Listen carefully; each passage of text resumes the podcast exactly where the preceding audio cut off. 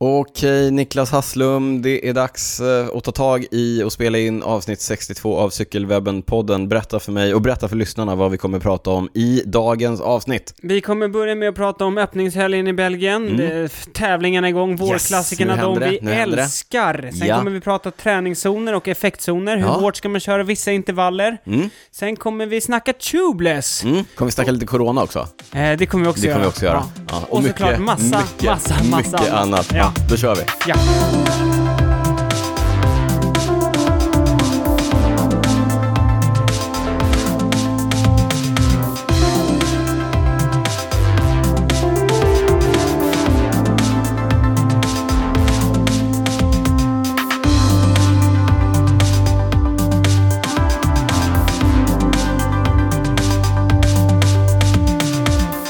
Sådär, välkomna ska ni vara alla lyssnare. Även du Niklas Hasslum som Tack. sitter mitt emot mig, Daniel Rytz här i Cykelwebben-podden för 62 gången för ett ordinarie avsnitt. Vi har slutat relatera till någonting eh, så att ni liksom Ja. vet hur mycket 62 är. Vi bara säger 62. Vi, Det är mycket i alla fall. Det är mycket, vi kanske Vi återkommer. börjar kunna det. Jag kände Ja. det precis innan här nu. Satt, jag kommer ihåg hur det var i början, Ja. och pulsen gick upp. Nu är vi mer, är du lite blasé eller? relax, Ja, faktiskt. ändå ganska Eh, relaxed. Men eh, det är ett gediget förarbete inför Ja. varje avsnitt, så man Ja, känner sig vi ganska nästan- trygg. Nästan att vi har slagit rekord i att dra ut på att komma igång med poddandet. Mm. Men det är ju för att vi har så trevligt när vi förbereder, vi skriver manus och vi funderar på vad vi ska prata om Ja. och sådär. Det är, ett långt, eh, det är en lång process som vi har. Ja, men sen ska sägas också att vi har ju suttit ganska länge idag, Mhm. men själva processen, den Mm. håller ju på från att vi spelar in förra, Förra avsnittet. avsnittet, så fort det slutar, Ja. då håller man ju koll och man skriver upp i Mm. telefonen och man för anteckningar och... Det är ett löpande arbete Ja, verkligen. som vi ägnar oss åt. Ja. Så det är kul att vara här igen. Ja, verkligen. Hur, det var länge sedan sist. Vi spelade ju in eh, tidigare än vad vi brukar, för jag har ju varit i, var jag har ju varit i Spanien. Mm. Kanske återkommer till det. Det känns väldigt avlägset nu. Ja, nu gör det faktiskt det, men, men våra lyssnare vet ju inte det. det Nej. Eller de vet ju det, men jag har ju kört lite stories och Precis, sådär. Ja. Jag drog ut till Kalpe i Mm. några dagar, lång helg. Körde ett litet distansblock med min Inte så litet heller? Peter. Nej, det blev några, det blev några timmar i sadeln. Ja. Ska jag kolla på Strava eller? Nej, Ah, det behöver inte, jag är tillräckligt knäckt ändå. Ja, det, var, det var mycket, men det var fint. Det var ju fantastiskt fint. Ja. Hur var det att komma hem sen då? Det är alltid tungt att komma hem. Ja. Jag var också lite krasslig. Så, Jaha, Ja. men just det, du tränar inte på några nej, dagar. så typ en vecka träningsuppehåll. Nu har jag kommit igång igen. Okej, nu har jag ja. kommit igång igen. Har, Ja. Känner du några liksom eh, effekter Gains, av, gains. precis, av ditt det här Nej blocket? men det är ju det som är så tråkigt, att när man blir sjuk, dels så här, att bli sjuk Men det var inte sjuk så länge väl? Nej men det var några dagar som jag inte kunde träna. Dels, då, då tappar man ju liksom, Mm. och så känns det som att man är tillbaka på Ja. minus igen. Men också det här att komma hem till, inte kortbyxor, Nej. utan komma hem till rullarna, komma Ja. hem till intervallerna, komma hem till Gneta. snöslask och gnet och sådär. Men sen var jag ute, jag har varit ute både, det är söndag kväll när vi spelar in, Ja, eh, varit ute, var ute både lördag Mm. och eh, söndag. hur kändes det då? Körde lite distans, ja, men känns fint. Det är, Ja. ju, det är ju fint där ute nu. Mm. Och det var ganska varmt och krispigt och sådär. Men blött i skogen. grader, ja precis. Blött i skogen. Ja. Mm. Hur är det med dig? ja, men det är bra Mm. tycker jag. Eh, träningen rullar väl på. Mm. Inga distansblock att tala om. Nej. Det är kortare pass. Ja, men du är stark ändå, det vet vi ju. Ja, Ja. men jag försöker få in en, i alla fall tre intervallpass i veckan. På cykel också. På cykel, på rullarna, på jobbet, Ja. på lunchen. Kära lyssnare, Niklas Hasslum kommer att bli giftig i år, Nej, sanna mina det. Säg ord, inte det. Jag kommer ord. lyckas bli sjuk eller bli skadad eller något Ja. annat som dyker upp. Jag kanske Mm. återkommer till det. Ja. Men sen har jag faktiskt börjat köra en del styrka. Mm. Kör lite så här funktionell... Eller? Ja, delvis kettlebells. Ja. Vi har lite i, jag brukar köra i verkstaden. Aha. Tvinga bort våra mekaniker under, under lunchen. Du vet att kolfiberramar och sånt, de är ganska känsliga Jo, jo, för men jag flyttar på allt sånt. impact. Jag Ja, flyttar okej. på allt Ja. Sånt. Kommer en Jag- kettlebell Jag flygandes. kastar inte kettlebells. Nej, nej. Jag okej. lyfter kettlebells. Ja, okej, okej. Det är lite Och ställ skillnad. ner dem. Ja, ja så, jag, så jag känner mig faktiskt lite liksom... lite, ja bra Ja. slag rent muskelmässigt. Liksom. härligt. Jag brukar inte köra så Nej. mycket gym. Nej, liksom jag kör ju desto mer. Jag har faktiskt en grej på gång till som jag har tänkt att köra på, på vår Instagram, Jaha, där vi heter att cykelwebben. Vi pratade med Mattias Räcknahv här när vi snackade tävling. Ja. Då pratade vi lite ja, styrketräning. precis, vad vi var inne på det. Om man skulle köra kort liksom färre men och tyngre. och vilka övningar och sådär. Och när jag är på gymmet så brukar jag ibland faktiskt filma mig själv när jag gör de här övningarna. Ja, det är det du brukar skicka till mig. Ja, exakt. exakt. Ja. Men, men jag gör det faktiskt också för att se om jag eh, håller formen, alltså om det ser okej ut när Ja, jag så gör att det. du inte liksom kör för tungt och Ja, tappar exakt, tekniken. exakt. Ja. Så, men, men jag tänkte att vi kanske lägger upp dem på vår Instagram. Ja, som, kul! som tips på hur man eh, ska, eller inte, ska, ska göra. Men lägger ut en sån grej, då kommer du få Ja, bli då- bashad alltså. Men eh, på tal om Instagram då, där vi kan lägger ut grejer då och då, där heter vi som sagt att cykelwebben. Vi finns också på Twitter, Facebook. Vi brukar skoja om att vi finns på YouTube, för där är Sjukt vi... idag! Ja. Jag fick ett mejl om att vi har fått en ny följare på YouTube. Oj, stackare. Mm, Eller Där är det- prenumerant heter Det det. ekar tomt där, men vi, vi, vi försöker skärpa oss. Ja. Niklas, du finns på Instagram, heter... Niklas Hasslum. Ja, Den finns på Twitter, heter Cycling Nico. just det. Du finns på Instagram, Instagram. heter Drytz. Drytz. Du Det- heter inte Drytz. Drytz. Ja, men det är som, det är mitt efternamn, det är Rytz. Mm. Mitt förnamn, D, men bara fo- D, första bokstaven. Så drar man ihop dem så blir det Drytz. Ja.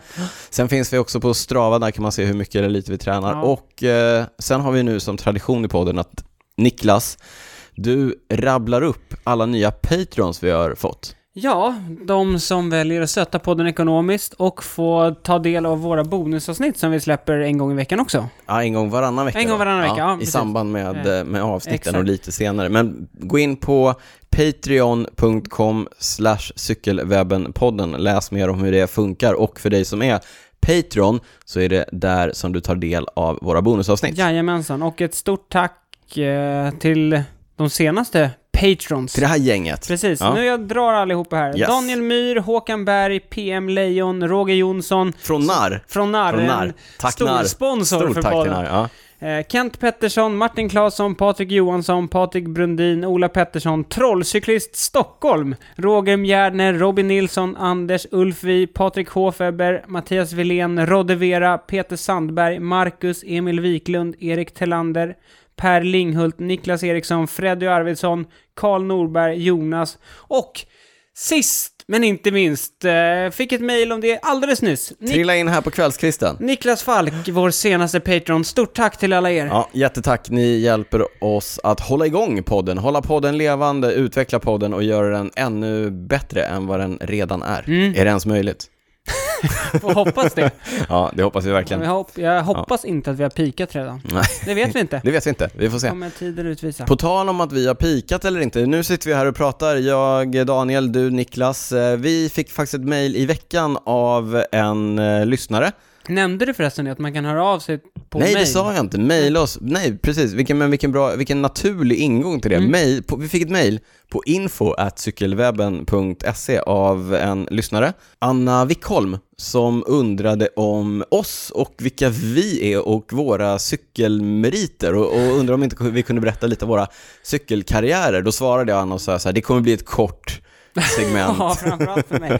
ja, nej men... Ja, men det kanske, det kanske är dags igen. Vi Ja, gjorde men jag väl det i början av Jo, men poddens säkert. begynnelse. Ja, men det är ju ändå 60 avsnitt sen kanske. Ja, och lite Men till. vi kan väl bara köra en snabb recap på... eh, Vilka vi liksom, är, vad vi har för bakgrund inom cykel Ja, och vad vi håller på vad vi med. håller på med nu. Varför, vi sitter, varför sitter vi här? Ja, men börja du, för du har hållit på längst. Ja, okej, jag har hållit på längst. Jag har alltid älskat att cykla. Började väl cykla mer... Jag har alltid älskat att säga.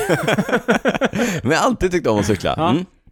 Började väl hålla på med det lite mer seriöst någonstans eh, sent 90-tal, tidigt 00-tal.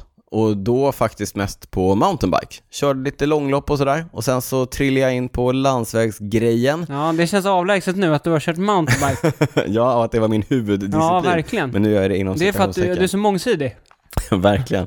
Ja, nej, men sen så trillade jag in på landsvägscyklingen, hittade en cykelklubb, CK Valhall, här i eh, Stockholm, började träna med dem. En Och, anrik klubb. ja, ja, absolut. Eh, Började träna med dem, tyckte att alla körde som motorcyklar. Jag tyckte ändå att jag var okej liksom. Mm. Eh, insåg snabbt att det var jag ju inte, men nej, eh, inte var ihärdig. nej. Nej, höll på.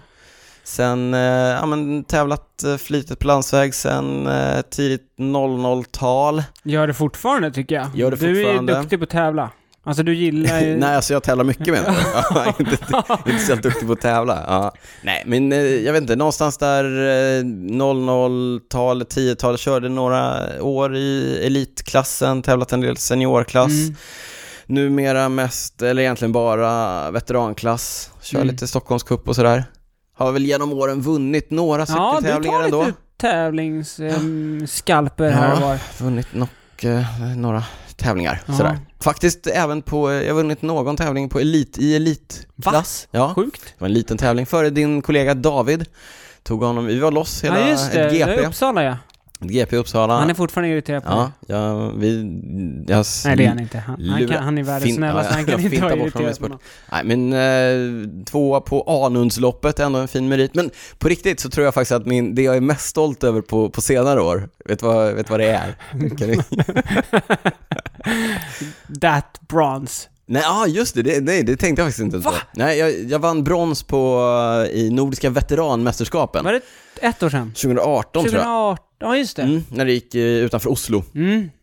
Träffade faktiskt en norrman nu när vi var i, nu jag spår, förlåt om jag, jag sticker iväg på en Ja. tangent här. Träffade en norrman nu när vi var nere i Spanien, Mm. i, i en av klättringarna. Kände han igen dig? Nej men han, han kom ikapp mig och du vet, så det var ett gäng norska juniorer som kom Mm. ikapp oss. Och så kom jag i, i eh, samspråk med en äldre Ja. junior. Eh, och så du vet, pratade vi lite och så frågade jag så här, "Ja, tävlar och så, så tittade han på mig som att jag var dum i huvudet och så pekade han på sin tröja, som Hugo Hofstetter när han vann eh, Summit. Ja. Eh, Ja, ja, jag tävlar och då var det en norsk landslagströja. Och då tänkte Ja. jag så här, men om man är seriös då åker man inte runt i en norsk landslagströja. Nej. Men då såg jag så master på sidan. Aha. Så det var deras veteranlandslagströja. Okej, Ja. Som han var ute och tränade i tydligen. Jaha, norsk master sa Och då, då skröt jag med att Ja. så här, ja, jag tog brons i, Okej. eh, när, när NM gick utanför Vad Oslo var han i för åldersklass då? Då sa han så här, jag tog guld. Så han, han vann i, i eh, H35, jag tog ju brons Ja. i eh, den lite äldre gubbklassen, Ja. H40. Ja. 40. Den tuffaste klassen. Den tuffa, exakt, Ja. den tuffaste klassen. Nej men eh, tillbaka till min finaste merit. Mm. Nej, det är det jag är mest Ja, nöjd vad kan med. det vara? Ja, Mm. Skeppsholmsloppet, också 2018. Jaha. Ja. Men då vann du inte? Nej, jag vann inte. Jag kom Nej. sexa va, tror jag. Ja. Sjua? Sjua tror Nej, sexa, det var sju som gick i mål. Okej. Så här, jag måste förklara nu. Ja. Ryska posten, som då var väl ändå ett av Sveriges bästa elitlag. Mm. Det var ju deras, det var ju avslutningstävlingen på Stockholmskuppen. Och de anordnar den också va? Ja, och så Jakob Wik ledde väl kuppen så de, de ställde ju mangrant upp. De har ju Mm. cyklister inte bara från Stockholmsområdet, utan de har ju så här lite norrmän och Ja. Rickard Larsén från Just. Göteborg. De, de flög ju in alla, hela truppen liksom. Och Känns inte ställde, så klimatsmart. ställde, jag vet inte om de flög eller Nej. åkte, ställde mangrant upp Ja. med, med planen att liksom dominera, vilket de ju naturligtvis gjorde. Så de eh, körde ju sönder hela tävlingen. Nästan. Nästan. Nästan. ja, de, var, de var fem man i spets, eh, bara ryska posten. Alla andra åkte av. Och sen i en jagande grupp bakom så var det undertecknad och Erik Bergström Frisk. Jaha, numera Tysklands nu, ja, som körde i Tyskland för eh, Som då också körde för ryska Ja. posten. Så att det var fem ryska posten, Erik och jag som låg och jagade. Ja. Vi kom ju aldrig ikapp. Vi höll ju också nästan på att bli varvade av de här fem Men han, Erik hjälpte till att dra. Nej, alltså e- Erik, ja vi gick runt Ja. och sen försökte han ställa av mig i, i målbacken. Då satte jag mig bara på hjul Nu får du dra. resten och nu får du dra. Och så, eh, sen tog jag honom i spurten, som, som man gör. Ja, så Ja. jag blev sexa då och Erik sjua. Men ingen annan gick i mål. Nej, Så att det var bara ryska posten och så jokern i leken, jag. eh, Daniel. Daniel Drytz. Ja. Ja, imponerande. nej, nej, ja. Men, men eh, så det är väl mina cykelmeriter. Om vi tar de mer liksom runt om cykelvärlden meriter. ja. Så eh, tidigare så skrev ju jag för tidningen som när jag började skrev jag för den hette Kadens, cykeltidningen Kadens. När jag slutade skrev jag för den Mm. hette den cykeltidningen Bicycling. Mm. Eh, Jag bloggade också på eh, Kadens och sedermera Bicyclings hemsida i nästan tio år Oj! om eh, prylar När och du med diverse. det? Ja, jag kommer inte riktigt ihåg. Ja, hur som helst. Men ganska länge. Ja. Och då har jag också varit runt mycket på sådana här pressgrejer och testat cyklar och testat skor och kläder och prylar och det var ju det jag skrev om mycket. Skrev mycket om prylar, skrev mycket om landsväg, skrev mycket Mm. om tävlingsscener och så vidare. Så det är väl egentligen min eh, bakgrund Ja. i cykling. Det blev ganska, det blev långt. Ja, du har en, en lång meritlista. Har jag lång på länge? fin. Jag är så otroligt på, gammal. Både Lång och fin och... meritlista, det är att ta i. Men eh, tycker jag. gillar jag att cykla. Jag har ju tävlat i mountainbike, eh, landsväg, cross, eh, ingenting annat på cykel. Nej. Mm. Inte downhill. Nej. I- Nej. verkligen inte. Eh, ja, du då Niklas? Ja, jag kom ju... Jag har inte hållit på. Jag har inte alltid älskat att cykla. Nej, Till skillnad från dig. Nej, Eh, du Jag att började spela ganska fotboll. Ja, jag älskade spela fotboll ganska länge. Joxa med trasan. Joxade med trasan, eh, fick problem med knäna, Mm. eh, började också kolla lite på cykel Mm. i den vevan Mm. och blev lite hooked. Ja, det måste jag ju också säga. Det var ju så jag fastnade för landsväg. Det var Just, det? Ja, ja, men du vet, jag började cykla, Kolla. gilla prylarna och så börjar man kolla på några racer och så börjar man kolla på Eurosport. Exakt. Roberto Adamsson och Vacchi, Anders Adamsson. redan då. Ja, visst. Ja. Ja men så, så var det för mig, så jag köpte samtidigt, de sista åren på fotbollsplanen så köpte jag en cykel som jag använde lite, så jag tränade, kompletterade träningen med. Mm. Eh, Fotbollsshorts och gympadojor? Nej, nej, jag Nej. köpte något tidigt craft-kit tror Ja. jag faktiskt. Ja. Eh, men sen så, så slutade det med fotbollen när jag fick problem med knä- knäna. Eh, ja, så redan då. Sen så, precis, redan då började jag bli skadad. Ja. Något som också har hållit i sig. ja. Eh, men sen började jag cykla. Eh, Mm. Först med lite kompisar. Sen så hamnade, träffade jag dig Mm. ganska tidigt. Mm, genom Eh, gemensamma vänner. Precis. Sen hamnade Jag hade vi... sett ditt namn florera på så här Strava det, ja, KOM-listor. Ja. precis. Men jag var i hyfsad form bruk- Då spenderade jag tiden med att åka runt och försöka så här, ta KOMs i ja. olika backar. Ja. Eh, Men sen så hamnade vi i samma lag. Mm. Började köra i La Chemise. Eh, Sen har jag tävlat lite. Mm. Eh, Ja, inte jättemycket. Nej, inte jättemycket. Kört, tävlat lite på cross. Eh, och sen, eh, jag vet inte, täv- min tävlingsdel har ju inte riktigt Nej. skjutit i höjden. Det har blivit mindre och mindre. Det var... Främsta, främsta merit? Ja, jag har ing- inga segrar. Jag, Du var tvåa på jag någon, Tvåa på någon marktävling en gång. Ja. Jag och Patrik Morén, för Ja. detta proffset, var loss. Amore Vita, pro- Ja. Italienproffset Ja, det var Patrik mäktigt. Ja. Vi var loss, loss två varv där, kommer jag Mm. ihåg. Han ställde av mig på slutet. Mm. Där har ju jag vunnit då. Ja. I, ja. Nej, där jag tog... eh, Jag var inte så taktiskt slipare, jag tog mina för, gjorde du förningar verkligen. plikttroget. Ja. Ehm, men som sagt, jag varit eh, fyra, kommer du ihåg det? När jag var fyra på cross-SM. ja, i Eh. gubbklass. Ja, precis, i gubbklass. Nej, Men, men, du är stark. men det är ju roligt det där. Varken du eller jag drivs ju egentligen av tävlingsgrejen. Nej, jag tycker nej. att det är kul att tävla, det är, det är roligt att liksom vara en del av den scenen. Men jag har ju aldrig varit driven av resultaten på det Nej, sättet. fast nu är du ändå bra på att tävla liksom. Du tycker ändå Alltså jag det är håller på kul. mycket med Ja, det. du håller Ja, på. Du... Jag tycker inte att det är kul. Jag hatar att tävla. Jag tycker att det är så mäckigt att tävla. ja. liksom så att jag, det blir bara en så stor grej att så, ah, så orkar jag liksom inte. Mm. Och sen framförallt sen jag fick, eller sen vi fick barn också, då Mm. blir det ännu mindre. Så nu är väl min eh, cykelkarriär i sadeln, Mm. handlar väl mest om eh, lunch, hårda lunchpass eller tidiga helgpass liksom. Ut och gneta. Eh, men sen av cykeln, vid Mm. sidan av cykeln så... Ja men eh, som sagt, du berättade om din eh, tidigare karriär på bicycling där. Mm. Sen drog ju du igång cykelwebben.se. Just det. Ja, ja, ja. Eh, Mm. och där hoppade väl jag på någon gång, vad kan det ha varit, 2015 eller något sånt där tror jag. Eh, började jag skriva, för då var ju cykelwebben en ren, man kan säga att det var en blogg. Ja. Eller nyhetsportal. Nyhetssajt. Vi tänkte, Ja. ja.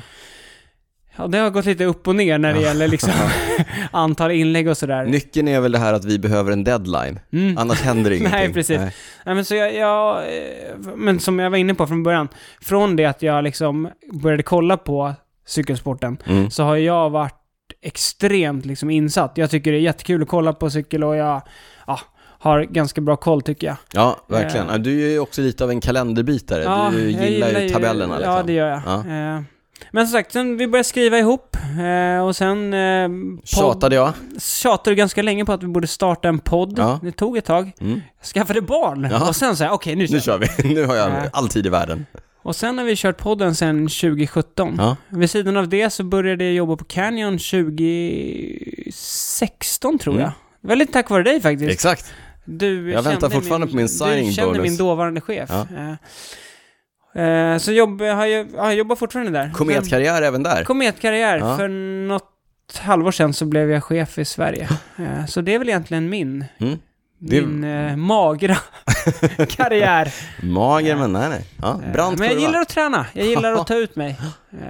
Ja, tycker det det är jättekul att cykla. ja, och det tycker jag är roligt, för jag tycker det är väldigt kul att cykla med dig. Detsamma. Ja, Detsamma. Nu har vi snackat i Ja. 20 minuter Om oss själva. Det bästa avsnittet hittills. Ja. Ja, hörru, ska vi, nu, vi, nog om oss. Nog om oss. Men eh, hör gärna av er om ni har fler frågor eller undrar över någonting. Men nu går vi vidare och så pratar vi om den lite större cykelvärlden där ute, den som Niklas och jag gillar att sätta oss in i och gillar att ha koll på och gillar att hänga Och som med vi sa, det som fick oss att faktiskt börja cykla. Mm, Börja cykla landsväg, Ja, i ditt fall då. precis. Ehm, och de tävlingarna vi, som vi har sagt, de vi kanske gillar mest, det Ja. är ju de här vårklassikerna. exakt. Och det har ju dragit igång nu. Ja. Öppningshelgen i Belgien med Mm. Omlopp Het Noisblad och... Eh, På lördagen. Kurne Brysselkurne för herrarna på söndagen och Ja. Omlopp Het Hageland för damerna på Mm. söndagen. Ja, så det var bara konstaterande. Så, nu är jag klar med det. Kan vi Ja. gå vidare? Nej. Nej men på, eh, vi kan snacka lite kort om, om segrarna. Mm. Eh, på herrsidan, Jasper Stuyven vann Ja. Omlopp Het Noisblad. Fortsätter Treks fina, fina, s- ganska länge nu. De, det började ju i höstas när Mm. Ja. de vann Lombardiet, sen vann de VM genom Mats Pedersen. Ja, en riktig helomvändning. Vi gjorde ju narr av dem förra året därför Ja. att de inte syntes Ganska länge, sen, sen vi har startat i... Podden har vi hånat. Ja, det har inte gått så bra för dem, men nu... Men de har ju också gjort en, vad ska man säga, de har ju liksom eh, renoverat laget kan man säga. Ja, Från att det varit ett eh, ålderdomshem, Ja. som vi brukar skämta om, ja. så har de tagit in lite yngre cyklister, de har förnyat sig och Mm.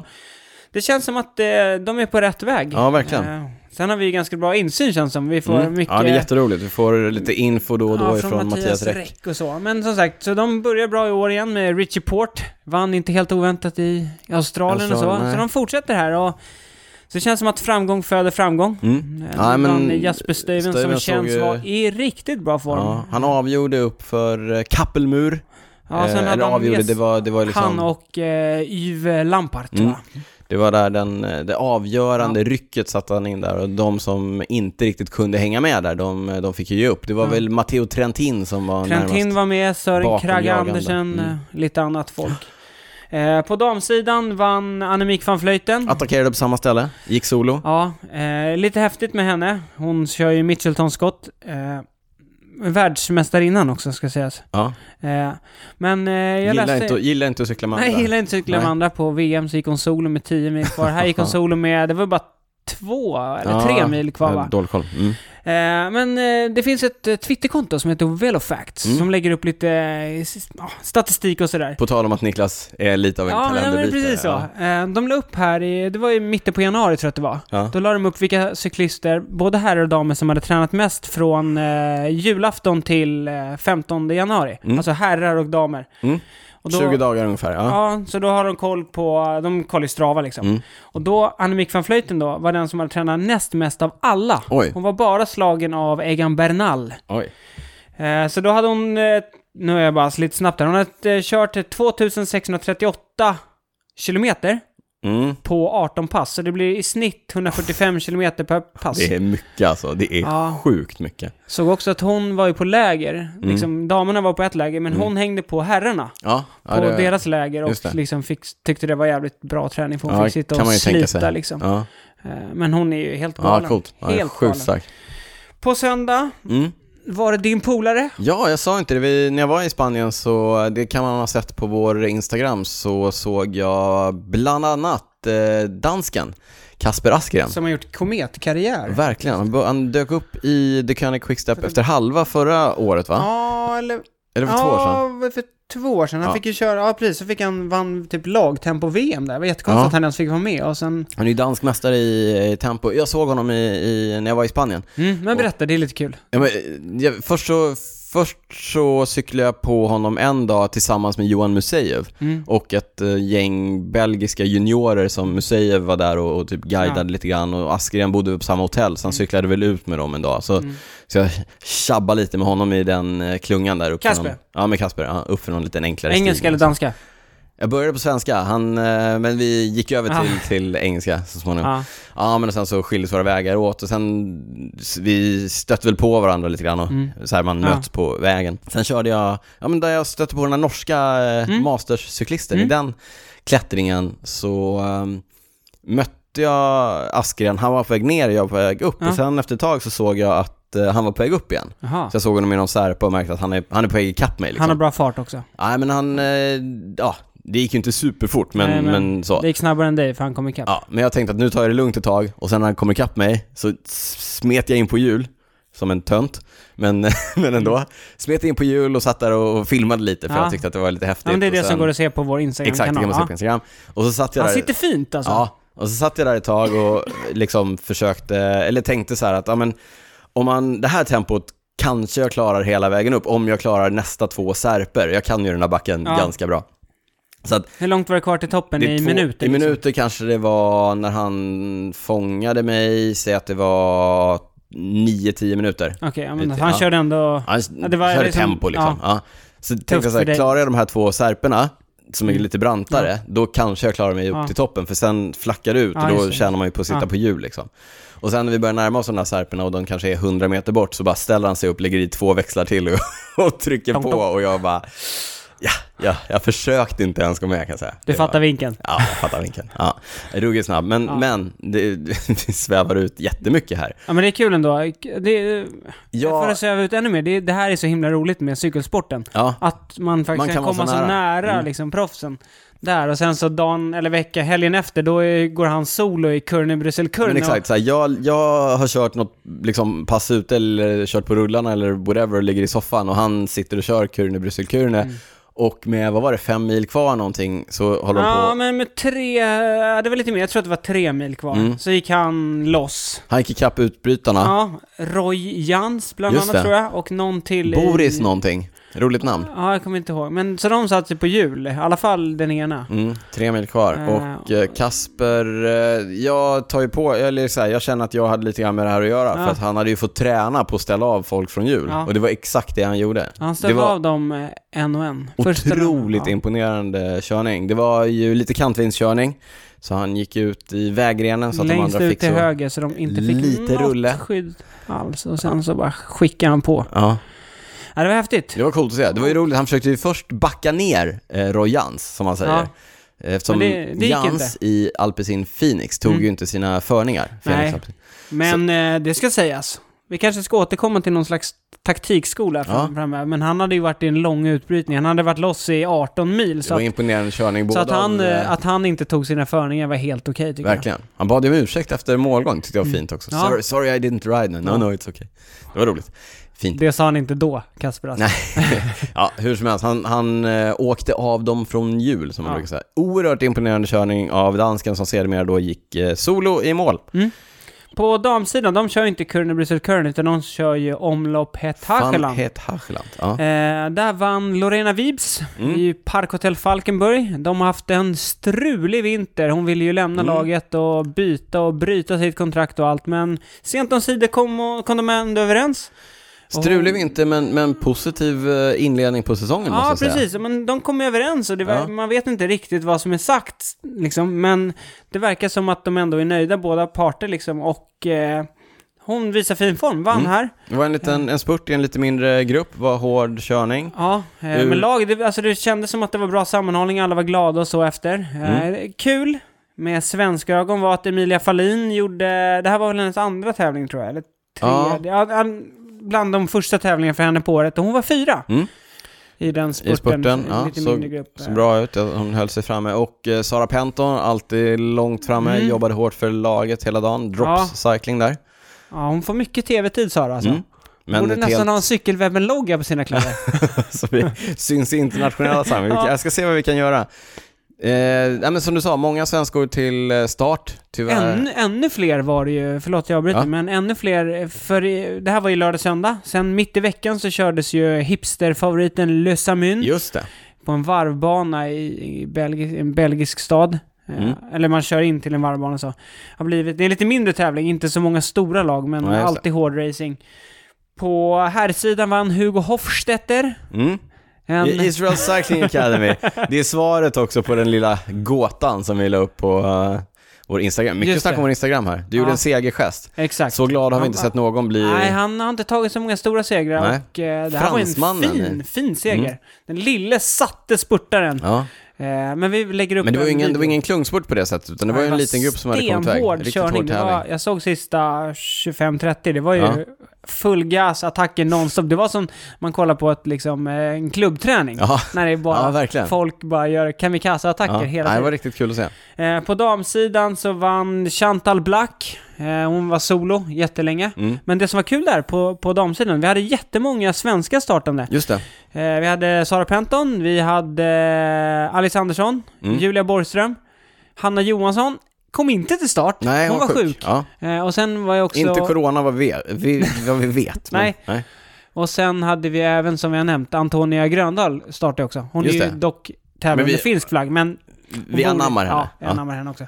Så jättekul att vi har så många svenska tjejer som tävlar på den här nivån. Yes. Apropå det, på Mm. här sidan, det Ja. glömde vi nämna. Emil Lindgren. Ja, Eh, junior. Den yngre. Ja, han var inte med när du satt med runt Skeppsholmen.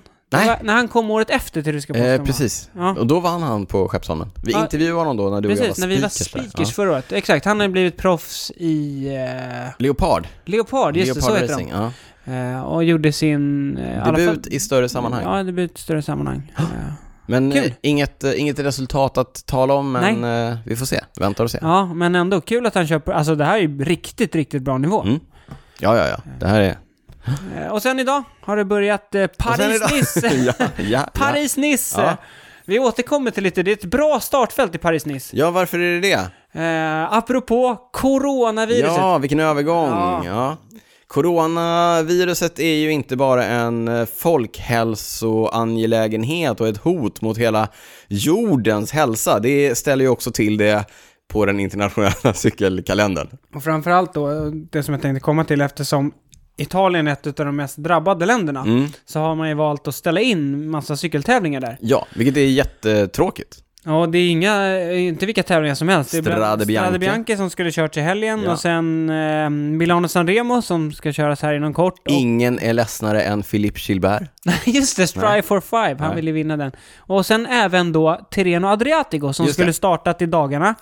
Som också är en sån här veckolångt etapplopp. Mm, som brukar Men- gå parallellt med Paris-Nice. Så det brukar vara så att liksom hälften av alla duktiga liksom, etapploppscyklister väger, väljer Paris-Nice och de andra väljer Tirreno Adriatico. Men Mm. eftersom det ställs in så blir det ett glapp liksom för vissa Mm. cyklister. Så då det, har det blivit extra många då som sent om sidor ändrar i sitt träning, eh, Paris-Nice. tävlingsprogram och... Ja.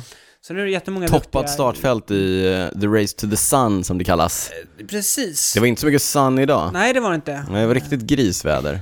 Eh, Första etappen vanns av Maximilian Schachmann Ja. i Bora Hansgrohe. Efter att eh, Julian Alaphilippe tillsammans med Tige Benoit Ja. var, hade gett sig på en rejäl utbrytning. Ja, Såg men... sleten ut Ja, det såg riktigt sleten ut och det var härlig kantvindskörning Vilken- nästan hela dagen. Och en jätte, jättefin avslutande klättring in i någon liten stad Liten med en stad, ja. kullerstensbacke. och- Brant som tusan. Ja, jättefin, eh, jättefin avslutning på Mm. den eh, etappen och fantastisk körning. Både alla Filippo och Benot som Mm. eh, liksom initierade det, Ja, men också av eh, Dylan Töns och eh, Schachman. Schachman då. Som gick i kapp då i sista backen. Ja, och sen, eh, sen var det ett... ro- Jag, jag älskar ju det där taktiska spelet i små grupper när Ja, man det är närmar sig så, mål. vissa får till det, vissa Ja. får inte alls till det. Och som du sa här innan, vi, eh, någon, vi borde ju ha en liten så här taktikskolegenomgång om eh, vad det är som funkar och inte och sådär. Eh, men som sagt, eh, Tirreno Adriatico blev inställt. Eh, Mm.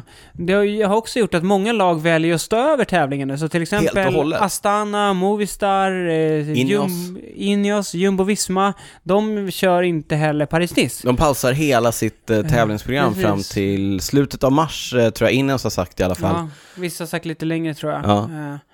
Så ja, det, det gör att det, blir- det är lite svårt att hålla koll på vilka som kör var och sådär. Ja. Och jag kan tänka mig att det här också får lite effekter lite längre fram liksom. För att vissa, eller det går inte att tävla lika mycket nu Nej, liksom. och tävlingarna är ju en viktig del Mm, för Sky verkligen. kanske och de här som inte tävlar alls. Tävlingarna Mm. är en otroligt viktig del i uppbyggnaden för senare på säsongen. Du kan ju aldrig träna så hårt Nej, som du gör om du kör ett Precis. etapplopp till exempel. exakt. Eh, och det är också några lag som har, apropå då Corona, Mm. eh, UAE Tour, en av Ja. våra favorittävlingar. Niklas var just ironisk var för er som ironisk eh, där. missade det. Nej men den avbröts ju efter, var det fyra eller fem etapper? För att de... Eh, det är lite oklart vad Vem som det var hänt. som hade corona? Någon hade corona. Någon, det verkar som att någon hade misstänkt corona, Ja. så de avbröt det och satt massa lag och eh, liksom eh, hela teamen, alla, alla som jobbar med det och även journalister Ja. eh, i karantän på hotellen. Och sen, liksom, ett efter ett har de fått lämna de här lagen. Eh, men vissa lag har blivit klar, bland annat Groupama FDJ Groupama har fått UAE lämna, UAE, och nej, Cofidis. kvar. Ja, precis. Och de, tre, de tre lagen bodde nämligen på samma våning och de bodde tydligen på samma våning som någon som hade varit, som var bekräftat smittad. Ja, de, och om då UAE bodde på den våningen och så kom det ut att det var någon Ja, colombian. de, de nämnde att det var sex personer som var misstänkt smittade, så var det, då sa de ju nationaliteter. Det var Mm. typ två ryssar, en italienare, Mm. ja, jag kommer inte ihåg de andra två, plus en då colombian. Uteslutningsmetoden Säger, eftersom det var gav- en colombian med i, I tävlingen. tävlingen. Ja, och som det var UAEs eh, Fernando Gaviria. Fernando Gaviria. Så att alla lag som bodde på samma våning, som jag antar att det var Gaviria då, Mm. eh, Jo, också även Gazprom var... Gazprom ja, Rusvelo. Rusvelo. Ja. ja, hur som helst, alla de lagen fick stanna kvar och var i karantin, karantin, karantän och det skulle de ha varit fram till 14 mars. Ja. Men eh, nu fick vi se att i morse så fick, verkar de ha fått eh, Ja, lämna men inte alla tror jag. Inte? Det är väl, ja, det är ganska dålig info därifrån. Och, Men, men, Man- nej men så här, jag vet att, jag vet att eh, Arnaud Demar och Ramon Sinkel där med Groupama FDJ har fått lämna. Och det vet jag därför att jag har följt dem på Instagram, därför att de har varit väldigt, väldigt roliga på Instagram. Mm. de har inte haft något annat att göra. De har ju typ fått sitta på sina hotellrum i flera dagar. Ja men exakt. Så då, och de måste på sina hotellrum, de har försökt hålla inte, formen. alltså, jag menar inte att man blir rolig av det, men... Nej, nej. nej men de har De försökt har hålla formen genom att och liksom hoppa upp och ner på stolar och de har försökt bygga, du vet, de har hittat någon kettlebell har de väl fått Ja. upp från något Men det, gym det och, sjuka är ju också att, för även Nathan Huss då, som Mm. kör i Cofidis, så här, det tog ganska lång tid innan de fick upp cyklar och lyckades hitta trainers. Vilket Ja. man annars hade tänkt att så här, okej, det är inte Ja, fine men- så här. Ja men precis, men, men jag tror att de, inte, de, hade, de hade nog inga trainers i närheten, Nej, därför att det var precis, ingen, det var ingen tempoetapp och då behöver de aldrig, då behöver de också inte Nej, värma precis. upp och de inte Nej, jag såg trainers. att eh, Nathan Huss gick ut på Twitter typ. Är det någon i området Ja, som, som har en trainer, Ja, ja. Ja, nej, sjukt. Ja. Men Men, han- de, men de eh, körde någon form av egen funktionell träning. Ingen funktionell träning, sen fick de upp cyklarna och då körde de lite strava. Men det var väldigt roligt för jag såg att Demar, jag tror att det var Demar som satt och sydde ett eget pannband. För att han svettades ju så mycket där inne. Så han sydde han, du vet med så här, eh, sånt sykit som man får Aha. på hotellrummet. Ja, just. Så. Han satt han och sydde något litet Jaha. pannband så att den inte skulle svettas så mycket och sen så hade de gjort någon, någon video när de skulle boxa. Så, nej, det var, det, det var roligt. Mm. Niklas lägger upp, eh, i sam, det sa jag inte heller innan, i samband med att vi släpper avsnitt så brukar vi också lägga upp ett inlägg på cykelwebben.se där vi dels lägger upp in, eh, det här avsnittet Mm. som du lyssnar på nu. Just det. Men Niklas brukar också lägga upp länkar och bilder och lite roliga klipp och sånt där. Ja, till Som det vi relaterar till Ja. det vi pratar om. Så man kan följa med liksom. Mm, var tydlig? tiden. Ja, det var tydligt. Jättetydligt. Bra, bra, bra. Eh, men eh, vi får hoppas att det liksom, eh, om vi inte bara ska se det ur ett cykelperspektiv, men att vi får, Att det löser sig. att det löser sig med Mm. hela coronagrejen och att eh, vi som älskar cykel, att det liksom inte får så mycket större effekter på, på cykelsäsongen. Mm.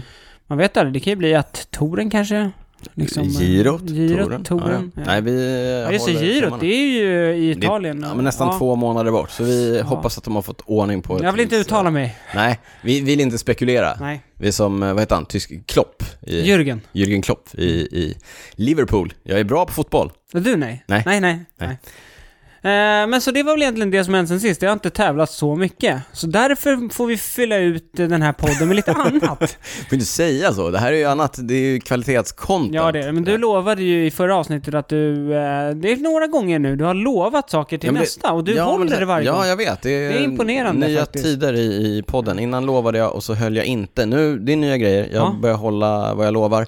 Senast lovade du att du skulle snacka om eh, träningszoner. Ja, vi har ju pratat lite grann om, om wattmätare och Ja. vi har pratat lite så här om eh, Intervallträning. intervallträning Mm. och watt och sådär. Det är väldigt många som hör av sig och frågar, när vi pratar om intervaller, som vi pratar om mycket, hur hårt ska jag köra? mm. Och det är ju, det är svårt att säga. men, men... eh, Hårt.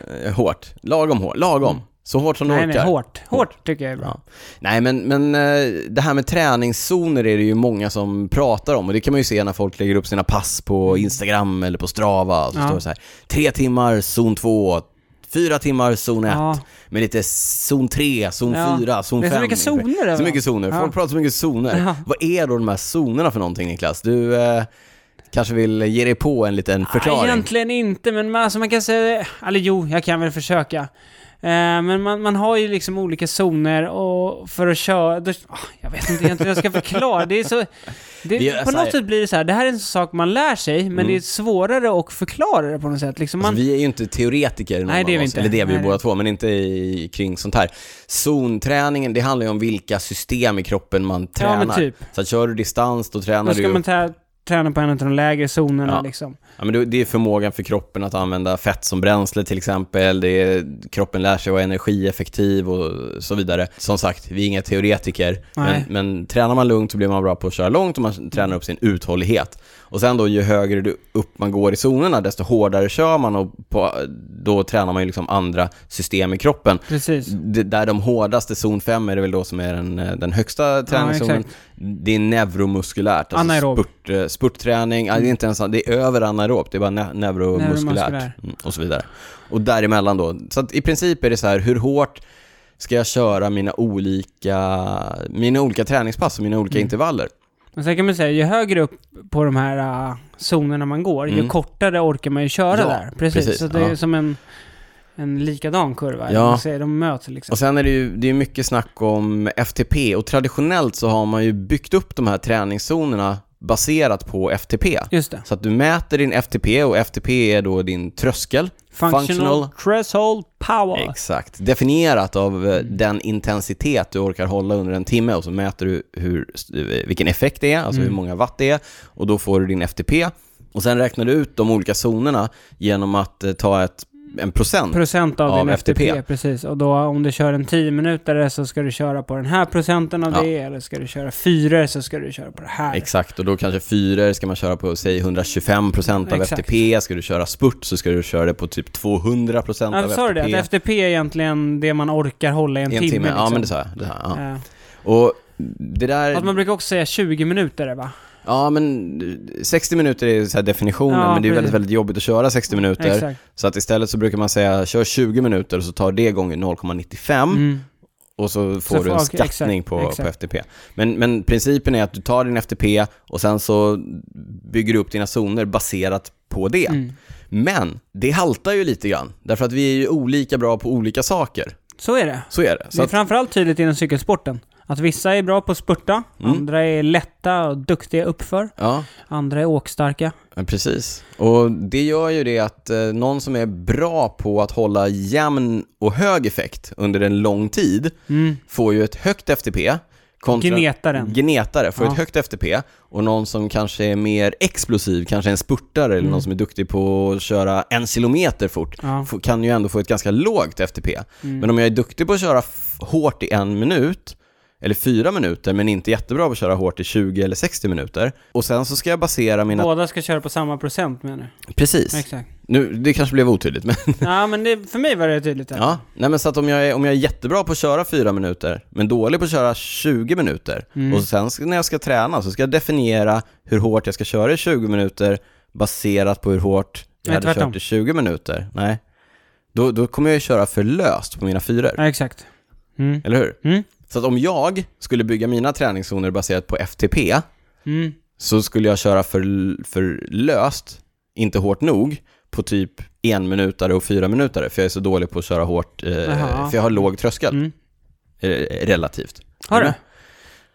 Ja, du är en gnetare å andra Jag sidan. har, blivit, jag har blivit en gnetare, definitivt. Men det kanske är för att jag har tränat fel, för att jag har tränat, ja, hur som helst. Det här Men, mm. är det någon som har kommit på något som liksom, Ja, som nej, men kan lösa vad det roligt, att du, Ja. vad roligt att du frågar Niklas. Därför att det här konceptet har ju eh, The Sufferfest, en av de här träningsapparna, Just de har ju formaliserat det med någonting som de kallar för 4DP, Mm. Four står det? Dimensional Power. Dimensional power. Så att istället för att testa för eh, bara FTP Mm. och bygga upp zonerna på det, så testar de för olika tidsintervall. Okej, och vad är det för... Ja, men så tid, jag vet, nu, jag, är, jag har inte deras testprotokoll framför mig, men principen är att de, de testar dig för eh, spurt, Mm. som då kanske är fem sekunder. Ja, De testar dig för eh, anaerob, alltså maximal anaerob prestation, typ någon minut kanske? någon minut, en Mm. minut. De testar dig för maximal aerob kapacitet, alltså typ VO2 max, Ja. så det är fem minuter Fyra, fem ungefär, minuter, ja. Och eh, FTP. Ja, Så att alla de Okej, ja. fyra testar de för och sen så bygger man upp då zonerna baserat får man köra på det fyra istället. test för att få fram? Ja, de- det är ett test. Det är, Aha. eller det är ett pass, Ja, men med, med olika delar. Jag det låter körde, ju tufft. det, jag körde ju det för något år sedan och testade. ja. Ja. Och sen, det betyder ju då att du, eh, om, om, även om du och jag har samma FTP, Mm. så kan mina fyra minuters, enligt deras Ja, program just då, det. Va- vara hårdare ja, än dina. precis. Därför att jag är bättre på det. Och din, mm. medan dina 20 minuters eller 8 Ja. minuters kanske är hårdare än mina. Just det, just det. Så att egentligen är det så här, FTP är ju ett sätt att göra det på. Ett sånt här mer eh, four dimensional power test är ett annat. Mm. Men sen så pratade vi här innan om att det kanske är mest i början, när man, när man inte vet Ja, som det är alltså nu nyttigt. kör inte jag så mycket med effektmätare. Nu har jag i och för sig en, en cykel på jobbet med effektmätare. Oj, Ja, oj. men, men... Eh, Nej men det jo, som... det jag ska säga dig. Ja, jag vet inte. Senast jag körde med effektmätare så gjorde jag i början av säsongen, alltså det, det här, när man använder de här zonerna och Mm. tränar med dem, Mm. det baserar sig på att man faktiskt gör ett FTP-test så man vet var en zoner ligger liksom. Ja. För det ändras ju när man är, kommer i form eller när man är Ja. ur form och så. Men varken du eller jag Mm. gör ju sådana här test. Nej. Utan vi går ju på känsla. Ja, Eh, och sen blir, får man ganska bra koll liksom. på var man ungefär Ja. ligger. Ja. Och så kanske man kör några åtta minuters intervaller och då märker man hur hårt man kan köra och då Ja. vet man ungefär vad det innebär på en 10 eller en 12 eller en 4. Ja, och det blir ju i princip samma sak som det här Mm, 4DP-testet, precis. eller full frontal som de, som de kallar det. Mm. Sen, det finns ju också, det finns lite olika hjälpmedel man kan ta till för att om man inte vill chansa eller ha, Ja, ha den här Och jag känslan. tror ju det. Alltså, vårt sätt är ju bra och det är ganska skönt att slippa göra de här testen för de är jobbiga. Mm. Men om man gör testen liksom regelbundet så Mm. tror jag att det är superbra. Ja, och se och sin gör- egen utveckling ja, och, och, och gör, så. ha Ja, så verkligen absolut. följa en strukturerad Ja. träning. Liksom. När man kör eh, Swift, som ju jag gör en del, Mm. då gör ju de, de gör ju ett on the fly FTP-test hela tiden. Okej. Så att om du kör ett race, Mm. och de har väl någon algoritm som, som räknar där i bakgrunden hela tiden. Mm. kör ett race och de listar ut då att du har ett högre FTP, då höjer de ditt FTP-värde automatiskt. Mm. Så då säger de så här, grattis, nytt FTP. Och då, Klassas man upp då eller? Ja det kan man ju göra. Ja. Men då, de sparar ju ditt FTP-värde och Ja. så om du kör ett träningspass i Ja. Swift så mm, anpassas det ut efter ditt nya värde och så Ja. vidare. Men eh, du sa ju det här med att man går på känsla och så vidare. Hela den här, eh, det här konceptet med eh, olika träningszoner baserat på olika tidsintervall. Mm. Det kommer ju från den här boken som jag tror att vi pratade om i senaste avsnittet, Training and Racing with a Power Meter. Just det. Kogan och Hunter Ja. Allen, Allen, Hunter, Hunter Andrew Allen, Kogan och... Andrew Kogan och eh, Andrew Kogan och Hunter Allen Ja, heter de som har precis. den. Förra Just gången så gick du iväg. Du Ja. var på väg att göra det Ja, nu får- igen. Precis. Men de har ju, de har ju, de beskriver ju i den boken ett koncept som de kallar för power profile. Och då mäter man olika cyklister över de här tidsintervallen och sen så har de en, en, eh, En lista, en liksom. tabell Mm. där man kan läsa av vad man är för typ av cyklist. Precis, om liksom. du kör 6,7 watt per kilo. På Precis. fem minuter så är du Den här typen. Domestic Pro eller Ja, precis. Exceptional Level. eller. Men, och sen då, nu blir det lite rörigt, jag ber om ursäkt för det, men eh, vi går också tillbaka till en av mina favoritfunktioner i eh, Strava, Mm. eller eh, vilken annan program Training Peaks, mjukvara eh, ni Garmin må de det, använda, jag vet faktiskt inte. Power Curve, Power Curve, exakt. som är en graf som visar dina, egentligen, På den ena, på dina den effekt, effektrekord över vertikala, den vertikala effekten, ja där har du effekten. y-axeln, Precis. effekten, Och på den andra axeln, x-axeln den horisontella, så tid, tid. Så kan du då gå på till exempel fem sekunder, så Mm. ser du vad du har som bäst där Mm. liksom.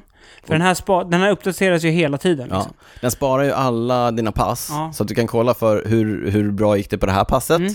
Hur, hur många watt tryckte jag på en minut som mest Mm. under det här passet, Exakt. eller 10 minuter som mest under det här Ja. passet, och sen så samlar den ju på sig all data över tid också. Och precis, så att du kan kolla- den där om du har kört bättre det här passet. Ja men exakt. Mm, Så där kan man ju då, om man, om man vill ha en A, om man vill ha en liten, ett hum om var man ska testa och lägga sig om man ska köra en 8 minuters intervall, då är det bara att gå in på den grafen och så kollar man på 8 minuter och så ser man vad ens rekord är Mm. och så kanske man inte siktar på exakt det, men någonstans där omkring.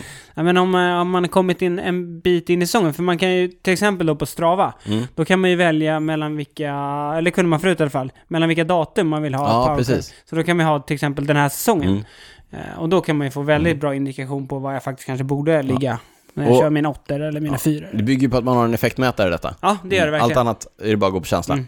Puls tycker jag är värdelöst, så att allt annat är bara att gå på känsla. Nu kanske det blev lite förvirrande för er som har Strava men inte betalar för er, för att då har man inte Power Curve-funktionaliteten. Nej, jag, jag har, jag betalar inte. Nej, och du har heller ingen Nej, effektmätare. effektmätare, så då blir det ganska... Ja. Fast man, eh, ja. Ja, men om man har Summit-versionen av Strava så har man tillgång till den grafen. Men den grafen finns ju också i annan programvara. Så att, ja. hör av er om ni undrar över eh, mer om hur man kan läsa sin effektdata. Mm. Mm. Eh, men vet du vad, vi fick en ganska bra lyssnarfråga. Mm. Som jag tänker vi kan eh, väva in i det här segmentet. Ja. Och den, den var faktiskt till dig från en kille som heter Pertnan. Mhm. Kör du dina åttor efter puls eller effekt och vilken procent av FTP eller maxpuls kör du då? Ja, det är en bra fråga. Jag kör Ja. dem ju på effekt. Ja. Och jag kör dem, eh, med, men också på känsla. Så att jag vet ungefär var jag siktar Mm. och sen så försöker jag ibland liksom trycka upp dem. Om jag tittar på procent av FTP, underhåll eh, lyssnarna så ska jag ta fram Nu ska du räkna till- här. Så kan jag berätta ungefär. Exakt. Eh, så... det går Ja. jättebra. Ja, vad ska jag säga? Ja, Ja, ja, vi ska Nej se. men precis, men eh, alltså när jag kör åttor också nu, då man, man lägger sig på en nivå, framförallt nu när man, när man kan se effekten. Man Mm. kollar ju, man känner ju efter första om man har lagt sig för högt Ja. eller om man ligger lagom. Ja, Man känner att nu är det tre kvar, det här kommer jag aldrig någonsin orka. ja, Eller så tänker man, det här var superjobbigt. Men det kan Det faktiskt kan gå. gå. Då vet, Det man, gå. att, då vet man att man har lagt sig bra. Jag vet, som sagt jag vet ju inte riktigt vad min FTP är. eh, Men man ligger lite högre än Man sin försöker, FTP. ligger lite över FTP. Mm. Eh, någonstans eh, pff, 110% av FTP. Ja. Vi, har precis, vi har precis dissat konceptet FTP och nu berättar vi ändå i relation Mm. till FTP. Men, Ja, men en, det är också för att vi inte har så bra koll på vår FTP. men principen är ju att en 8 kan du köra lite hårdare än vad Ja. din tröskel eh, på, på 60 minuter är. Men sen tycker jag att det här, det svåra med till exempel då, om, om man inte har koll på sin FTP men man ändå vill köra, man vill veta var man ska ligga, liksom när man kör till exempel då sina åttor. Mm. Det bästa är då att köra ett testpass med åttor. Mm. Och så märker man att så här, ja, jag kunde öka de två sista. Ja, Ja. då vet man att så här, då ser man ju vad man körde de två sista och de två första. Då Mm. säger ja, men då kan jag öka lite mer nästa gång. Jag, kör, jag brukar ju köra ettan och tvåan ganska hårt. Ettan kanske lite konservativt Mm. och sen tvåan ganska hårt. Så trean, om jag känner mig sliten, då, då kör jag den lite lägre för att verkligen kunna kräma ur det Okej. sista på, på fyran. Nej, så är inte jag när jag Nej. har kört med effektmätare. Då, då bestämmer jag att nu kör jag alla på Så här. Ja, på det här. Och sen så är det det som gäller. Ja. Så Ja, det inte olika. under det då. Nej. Nej, det, Inte- det inte under Nej, det. det, det, det gör jag inte. ja, men det är bra. Det var väl egentligen det kanske? Mm. Om, eh, om eh, zonerna. Ja, och hitta zonerna och sådär. Och sen tycker jag också, nu vet jag att nu kanske många av eh, tränarna där ute i landet blir sura på mig. Jag tycker inte att man ska behöva stirra sig blind på det där med, eh, med zoner så mycket. Nej. Utan poängen är så här, har du tänkt att du ska köra fyra åttor, kör dem så hårt att du tar igenom varje enskilt, men också att du tar igenom alla fyra. Men, Mm. men typ så hårt som, som du pallar. Ja. Så, tänk, så egentligen tänker jag när jag kör mina intervaller. I stort Ja. sett alla mina intervaller är... Jag kör dem så hårt så att jag klarar den tiden liksom. Mm. Ja. Ska jag köra... Ja, Ska jag köra fyra gånger åtta minuter? Eller åtta, alltså fyra stycken åttor. Då kör man ju så hårt så att när man har kört sista åttan, då är man ju helt slut. Men när jag ställer mig själv frågan, när jag har två minuter kvar av min andra åtta, av fyra till Ja. exempel, och så, och så tänker jag så här, kommer jag orka två till på det här Mm. sättet? Då är ju svaret nej. Men sen gör man det ändå. Mm. Ja. Men då vet man, då ligger man på en bra nivå. Ja men det är bra Ja. nog, det är jobbigt, jättejobbigt. Men det här med träningszonerna är ju inte så dumt om man vill ha en fingervisning om man inte har hållit på i 20 år som Nej, undertecknad och kanske inte har liksom utvecklat den där känslan över hur hårt man kan Mm. köra och hur hårt man kan pressa sig. Då är det ju jättebra att faktiskt ha ett träningsprogram som säger att så här, men om, om liksom din tröskel är här eller om din fem minuters kapacitet är här så kommer du klara att ta dig igenom det här passet eller du ska klara att ta dig igenom Mm. det här passet om, om det är upplagt på det här sättet. Så det är en jättebra hjälp. Och sen, men, men jag tror ju faktiskt att Sufferfest har en poäng med sin eh, four dimensional power-idé. Det låter, det låter klokt, Ja, hela grejen. därför att alla är inte jättebra på att Nej. köra FTP-test och är man dålig på det, som jag är, Mm. då blir det fel. För att du aldrig kör det. För att jag aldrig kör det. Men jag kör det ju inte för att jag är dålig på det. Jag gör ju bara saker Och sen ska jag säga, alltså, som sagt, det är superbra. Om man, om man vill träna strukturerat så är det perfekt att veta sina zoner och allt och så. Mm. Men som sagt, innan effektmätare har folk tränat i, liksom, i alla Det har år. gått jätte, Så- jättebra. så att, eh, det är egentligen lite olika skolor och så. Mm. Ja. Bra. Bra. Prylsvepet Niklas! Ja. Det bästa, in, det bästa eh, segmentet i podden, alltid. Idag Ja. blir det ett ganska fokuserat prylsvep. Ja. Innan jag åkte till Spanien Mm. så, så tänkte jag så här, ska jag ta min cykel med skivbroms? Eller ska jag ta min cykel med fälgbroms? Sjukt. Kan du ihåg när vi började podden? Ja, Då var det så här. jag var så otroligt Skivbroms det. bara. Åh, Aldrig, aldrig, aldrig, aldrig. Save the rim. ja. Nej, jag är ju Tiderna förändras och vi med dem. Verkligen. Jag är omvänd. Jag Ja. gillar ju, jag gillar ju skivbroms Ja. jättemycket på, på landsvägscykel. Ja. Det ger en extra trygghet. Men inte på mountainbike eller? Nej, inte, på, inte på gravel. På cross kör jag fortfarande Just det, jätte, jättebra. just Nej, men eh, jag var ju sugen på att ta min eh, skivbromshoj. Mm. Men jag var inte sugen på att ta mina skivbromshjul, för det är ett par 62 mm höga kolfiberhjul som är Mm. rätt vindkänsliga. Ja, Och i eh, så här februari i Spanien i bergen, det kan vara lite blåsigt Ja. och sådär och jag tycker inte att det kändes eh, superkul. men det är inte så bra i kantvinden och så. Nej, exakt, men Nej. lite tung och sådär. Ja. Ja, du vet, jag gillar ändå att ta lite rappa Mm. och, och lätta hjul. Så jag hörde av mig till Shimano. Jag var lite nyfiken nämligen på deras nya Durace-hjul som de Just har, det. som är Top of the line. eh, top of the line. Hjulen 40 mm höga, lite lagom, Mm. lite lagom breda, skivbromshjul. Men när du säger Durace, vi kanske bara ska ta det snabbt för de Ja. som inte har koll. Mm. Shimano har ju lite olika komponentgrupper och då har de lite Ja. oli- olika namn på nivåerna. Mm. Där Tiagra är väl snäppet under insteg. Ja, I alla fall när man snackar... det är fortfarande insteg, det är bra Insteg, grejer, ja. men det är inte... Sen kommer 105 då som är liksom för den breda massan kan man säga. Eh, sen kommer Ultegra Mm, som är, tar mycket teknologi då från toppgruppen. mm. Durace. Och sen har, på toppen har vi då Durace, Durace. ren tävlings, eh, tävlingsprylar. Som de flesta proffsen kör på. Ja, visst, fin, fina, fin, fina grejer. Och det har de då även på, som sagt, de har det på växlar och så, men Mm. det finns även på hjul. Ja. eh, Precis. Men, Ja. eh, Så jag var ju lite sugen på de nya Durace-hjulen. 40 mm, tubeless. Mm. Återkommer till eh, tubeless Ja, just det. vad Det har vi lovat. Det har vi Ja. lovat. Och eh, ja, ja men så, jag, så jag fick faktiskt låna med mig ett par Ja. Till eh, Spanien. Jag har faktiskt lagt upp en liten, liten bildkavalkad på Mm. Instagram på dem än så länge. Mm. Tänkte bara berätta lite grann vad jag tyckte om dem. Det är Mm. möjligt, nu ska jag inte lova för mycket, nu är det möjligt att jag är tillbaka i gamla vanor, lovar runt, håller tunt. Fast nu har du, börjat hålla det du lovar. Mm, vi får se. Det kanske kommer en liten kort text på cykelwebben.se om de här hjulen framöver. Bjuda på. Men här kommer en liten eh, kort sammanfattning av vad jag tyckte om dem och vad det är för typ av hjul. Ja. De heter, eh, det här är liksom modellbeteckningen. Är du med? Mm. R9170 C40-TL. Mm. Där- C40 står för höjden. C40 är höjden. Mm. C står för clincher, alltså att det inte är tub. Nej. Eh, clincher, kanttråd. TL står för tubeless. Och eh, R, eller C kanske står för carbon, det vet jag inte. R9170, det är C- serien, serien, komponentserien. De är som sagt eh, 40 mm höga står det, men de är 37 egentligen har jag Mm. läst mig till. Mm. 17 mm breda fälgar, Ja. vilket är lite bredare än eh, traditionellt, som har gått upp lite grann. Det är ju Mm. nya trenden som är lite bredare, men fortfarande inte så här fullbreda, som ännu modernare fälgar, lite mer experimentella Mm. Är. Väger runt 1600 gram. Jag kontrollvägde inte mitt par, jag fick dem Nej. med eh, skivor monterade. Jag Ja. orkade inte riktigt eh, riva av Nej. skivor och däck och allt det där. Jag har 24 ekrar i både fram och eh, bakhjul, Mm. byggda med två kors, alltså att ekrarna korsar Mm. varandra. Och bakhjulet är byggt med någonting som Shimano kallar för Optbal. Optbal? Optbal säger du? Ja, Ja. har jag inte koll på. Nej, det är nämligen samma teknik som eh, Kampa kallar för G3 och eh, Kampa i sin Fulcrumlinje kallar för 2.2 kolon 1. Mhm. Man bygger nämligen bakhjulet med dubbelt så många ekrar på drivsidan som på icke-drivsidan. Okej, okej. Varför gör man det undrar du Niklas? Ja, Det här lämpar sig inte för poddformat överhuvudtaget. Men baknavet är ju eh, off-center. Det är ju mm. det är ju asymmetriskt eftersom kassetten tar plats på ena sidan. Mm.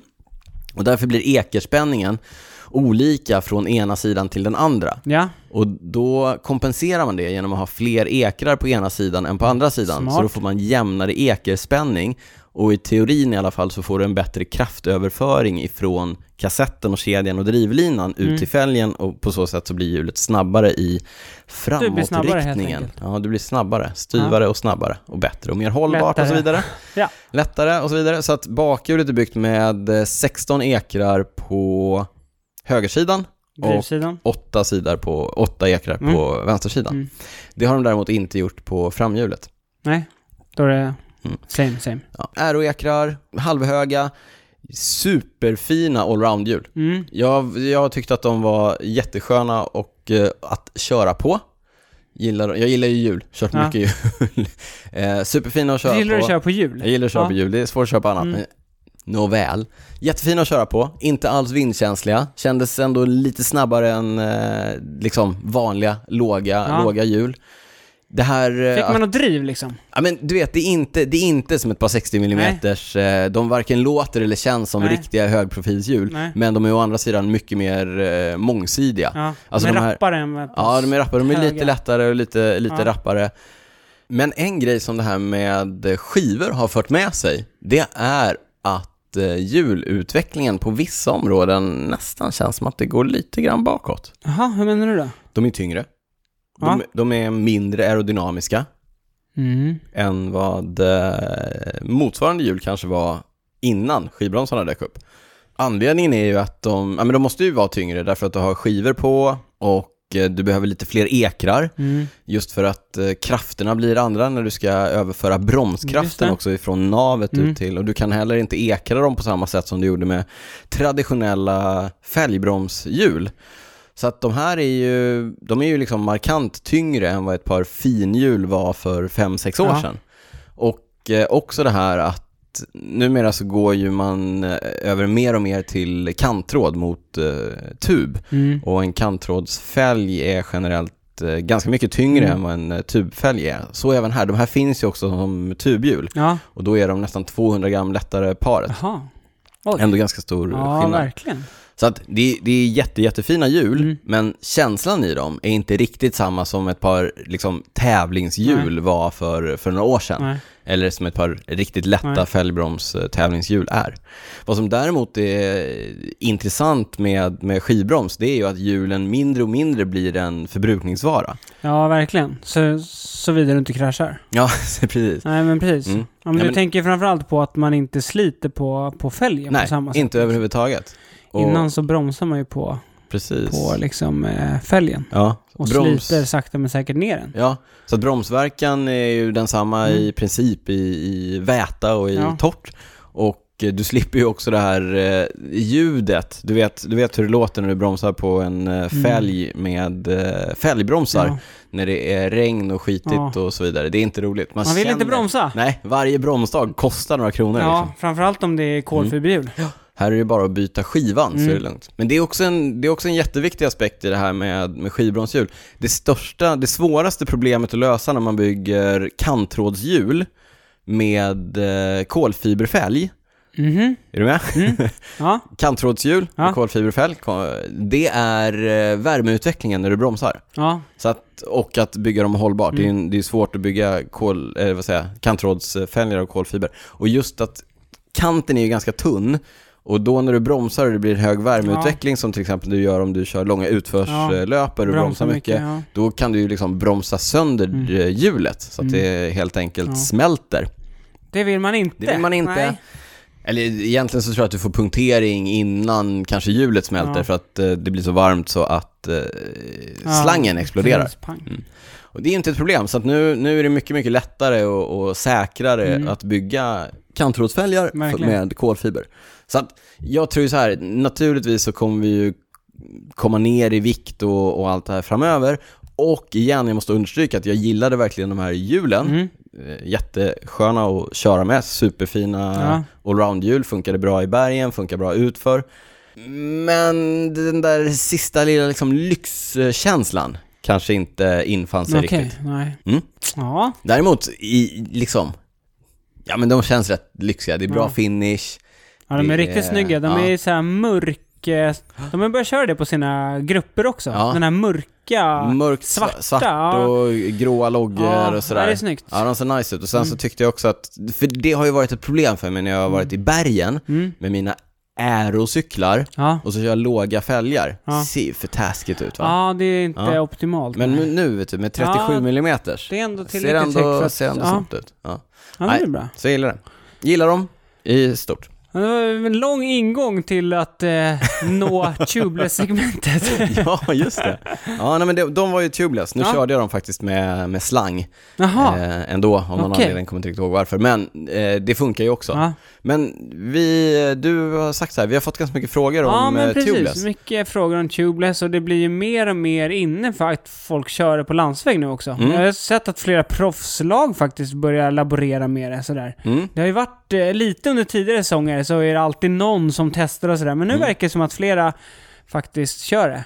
Efterkör körde ju uh, Tubeless typ 2006 som första. Okej, ja, det var länge ja, sedan. men, Alexander Kristoff försökte på Det det var Paris-Roubaix, det gick sådär förra året. året, Ja, ja, det gick sådär. men så får, då får ju alltid Tubeless massa skit också. Mm. För att liksom alla, alltså alla är så konservativa inom i, i proffsklungan så att alla Ja. kör tub och så är det någon som testar och sen får den personen lika många punkteringar Ja. som alla andra. Ja, men exakt. då får ändå Tubeless Ja. massa skit.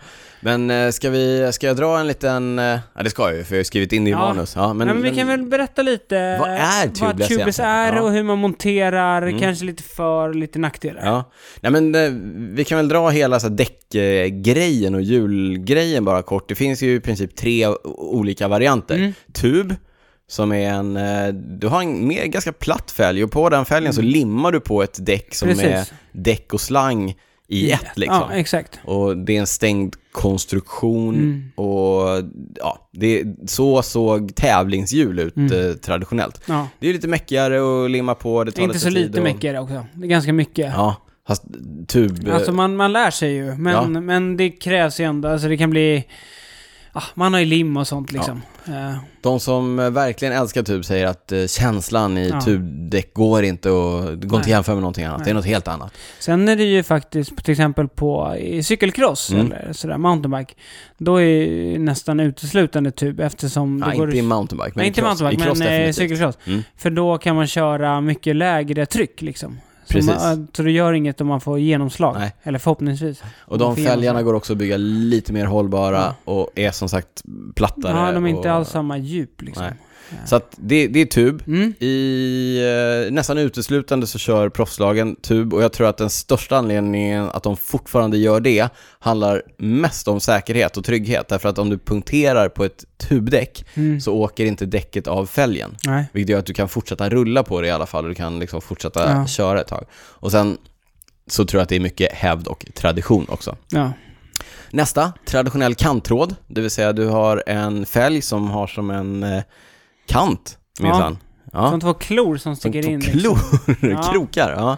Och sen har du en eh, lös slang och ytterst så har du ett däck. Mm. Och däcket, det är det du ser med blotta Mm. ögat. Precis. Och inuti det så ligger då en slang. Och anledningen är ju att däcket i sig håller ju inte tätt mellan fälg Nej, och precis. så. Så Precis. att då har du en slang Så är en inuti. slang där inne. Och det är ju kanske det absolut vanligaste sättet för Framförallt för oss dödliga. oss motionärer Motionärer. ja, att köra på. Ja.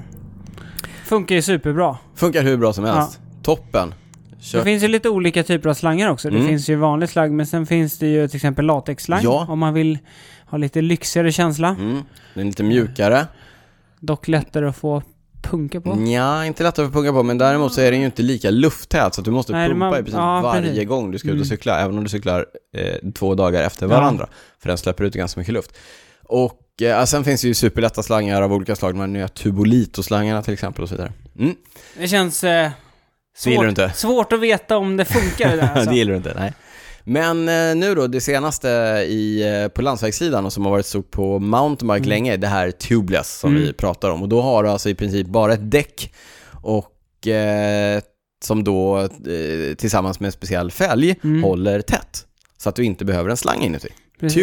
Tubeless, alltså no tubes. Exakt, Ja. exakt. Ja. Det här systemet har ju varit poppis på mountainbike länge just för att du kan köra lägre däckstryck Mm. där utan att få sån här genomslagspunktering. Och nu då, de senaste två, tre, fyra åren kanske, så har man också försökt att införa det på landsväg, Landsväg. med blandad framgång Mm. då. Mm.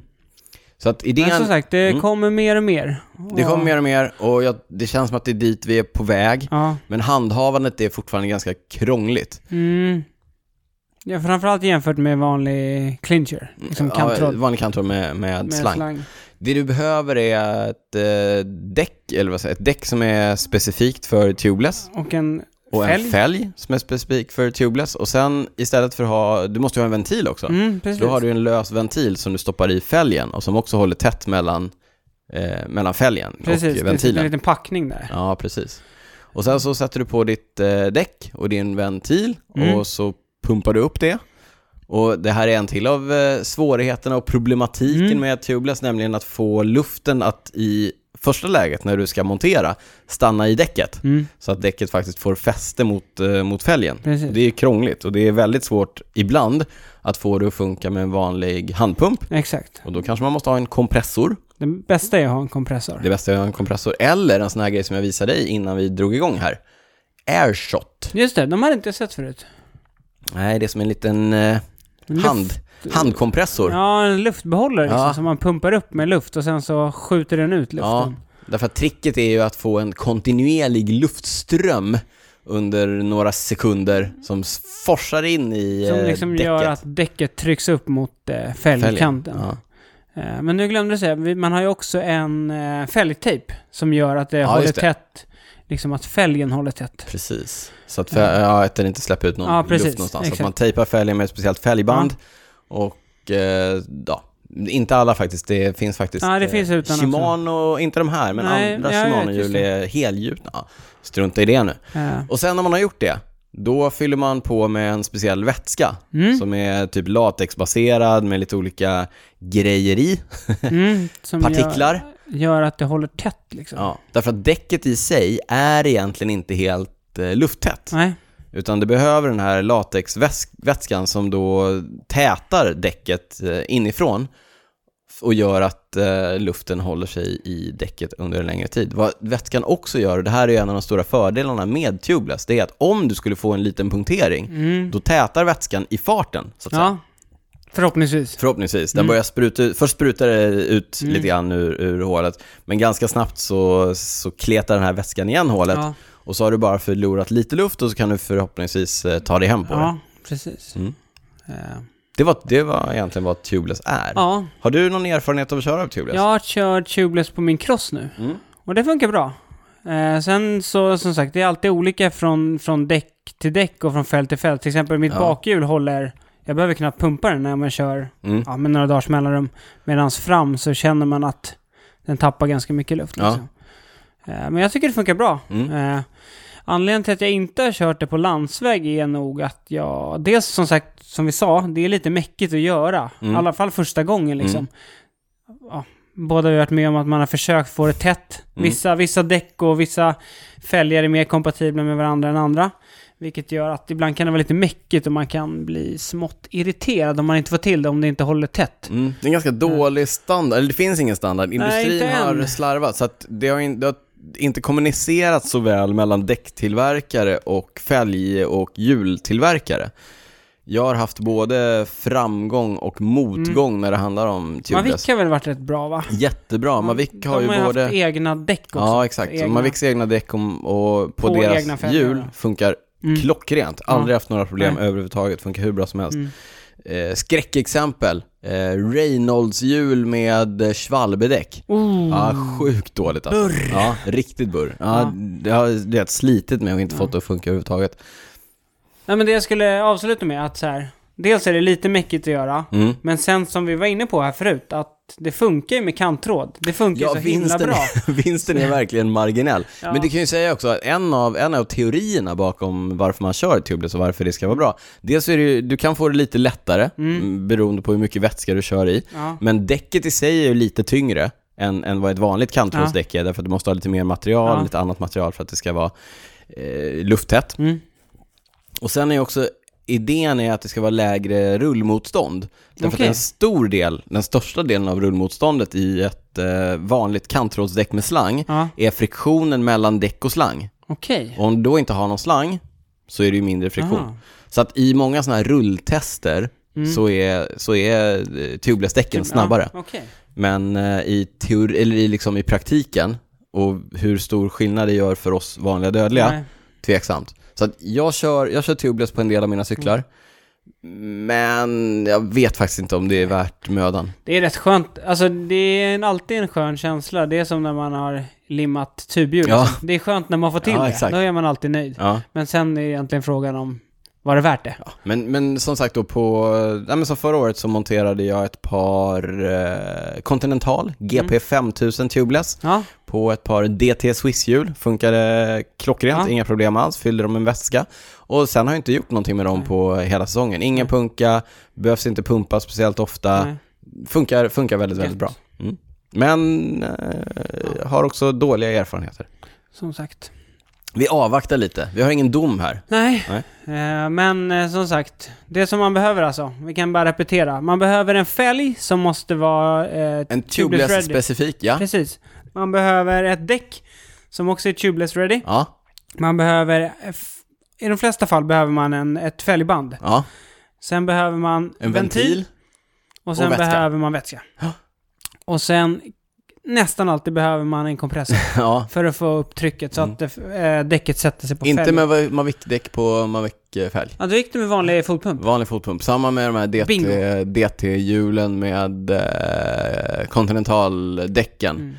Ibland är det också väldigt svårt att få på de här däcken för att det måste ju vara lite tajtare passform än vad det är Mm. på vanliga. Så det, Ja, det är många som har svurit över hur ont det gör att försöka kränga på de här Verkligen. däcken. Mm. men sen finns det ju två, två sätt att få i vätskan. För man pumpar ju upp själva Just däcket. Mm.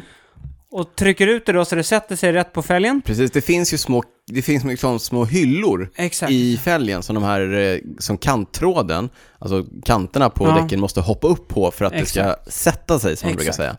Och sen ska man då ta ut luften och då... Nej men sen, sen när, när det har satt sig så måste du ha i vätska i Exakt, däcket. exakt. Och, och då är ju däcket redan på fälgen. Hur gör Mm. man då? Ja men Precis. förhoppningsvis så har man då en ventil där du kan ta ur själva kärnan Ja. eller käglan ur ventilen och Exakt. fylla i- på genom ventilen. Det är Precis, en enkelt liten, eh, gjort. ja. En liten. Som en sprut. Flaska. Ja, flaska, spruta. Men vad du också kan göra är att du kan ta av däcket igen. Man kan haka av en liten del av, eh, av däcket liksom. Mm, Ner till, precis. förslagsvis.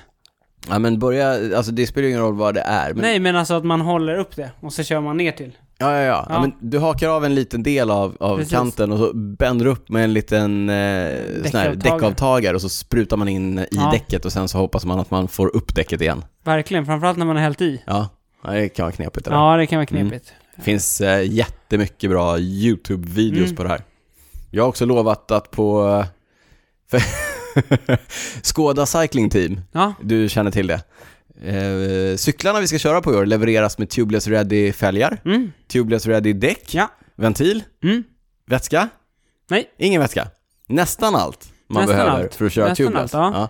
Och jag har ju utlovat här en Tubeless Mounting Clinic på Hoppas vårt du, eh, träningsläger. hoppas du får till det direkt. Vi får se om det är någonting som jag eh, lovar och håller, Mm. eller om jag lovar runt och håller tunt. Återstår att se. Vi kanske, du kanske kan filma Kanske det. eh, när vi gör det här, så kan vi själva lägga upp eh, på YouTube när jag misslyckas eller lyckas är något med... content för vår YouTube-kanal. det kan bli hur bra som helst här.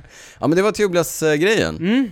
Hoppas vi har spridit lite, lite ljus om vad det är och hur det Ja, funkar sådär. precis. Eh, Men, och sen eh, titt Några- som tätt några- får man här- ju fylla på också. ja just det, Eller för att inte- väskan torkar inte, ut liksom. Inte tätt, men Nej. titt. Titt i alla fall. Ja. Ja.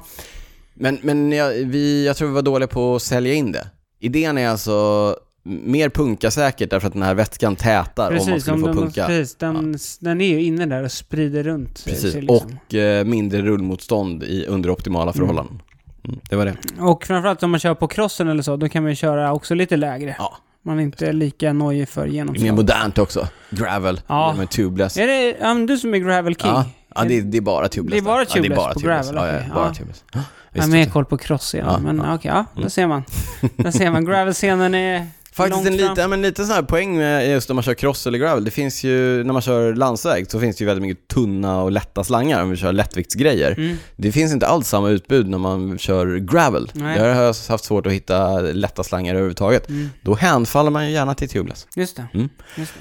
Det var tubeless-grejen. Ska vi tubeless. kasta oss över lite lyssnarfrågor innan det är dags att runda av avsnitt 62 av Cykelwebben-podden? Mm, det tycker jag. Ja, kör! Vi har fått en fråga från Andmagand. Mm. Som, Ni har så konstiga, ni har så konstiga alias där Vad ute. hände med namnet Ja. bara? Ja, Drytz. exakt. Ja. Eh, bästa landsvägsklipp att kolla på YouTube. Mm. Mitt är när Tor Hushovd vinner i Lourdes. Lord. I I, världsmästartröjan. i, eh, på Tour de France. Vem är det han kommer ikapp? Han kommer ikapp någon i Kofidis och så attackerar Ah. han direkt i- efter en lång utförskörning. Ja, precis. Om det är några eh, norska kommentatorer. Ja. I love you Tor! I love you, Tor. Ja, den är fin. Ja, den är Ja, fin. den är bra. Ja. Eh, Men solkörningen där, är det så bra klipp? Ah, Alltså jag, låt höra nu. Låt höra. Ja, ska jag svara för dig eller? Nej, jag kanske överraskar. Nej, det gör du inte. Ja, Men du har två. se. Du har ja, två. jag har flera, men okej. Två, två klipp Ja, som men du gillar. mitt absoluta favoritklipp nu för tiden som jag kollar på liksom, i princip nästan varje pass och Mm. gärna liksom sista intervallen Ja. när man behöver lite extra. Vad kan det vara? Ja, vad kan det vara? Omlopp Het Noisblad 2015, Ian Stannard vs eh, The Wolfpack. Det var senast han var bra också. typ. Ja. Han har skaffat sig skägg nu. Ja, nej, inget bra. Nej men eh, det är ju en klassiker som vi pratar om ofta här i, Mm. podden. Ian Stannard ensam mot eh, tre quickstep-cyklister och lyckas ändå vinna. Ja, det är ett av dina klipp. Det är ett av mina klipp. Det andra är när Ballan vinner, vinner i eh, Mendriso, eller? Nej, Verona va? Verona kanske det är. 2008. Gud vad gammal jag är. Alessandro Ballan attackerar med eh, en kilometer kvar. En och en halv kanske? Nej, det, är väl, det tar ungefär sex minuter. Nej, är det så långt? Eh, Ballan, Varese såklart. Varese, såklart. Åh, ja. Det klippet är ungefär sex minuter långt. Han attackerar... Eh, vänta, vänta. Eh, jag, jag drar igång det här nu.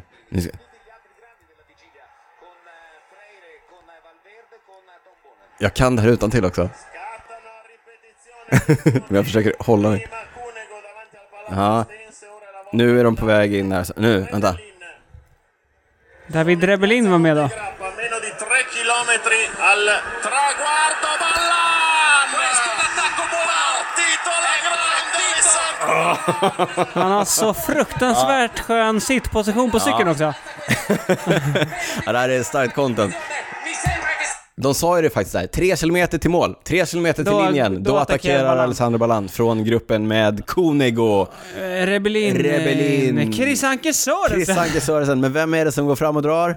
Ja, det är väl Chris Anker sen? Nej, det är Chris Anker som ska spurta. Sörensen är det som går fram och drar. Ja, så är det. Nej, ja, Chris Anker Sörensen. Ja, men... Eller är det Nicky som drar?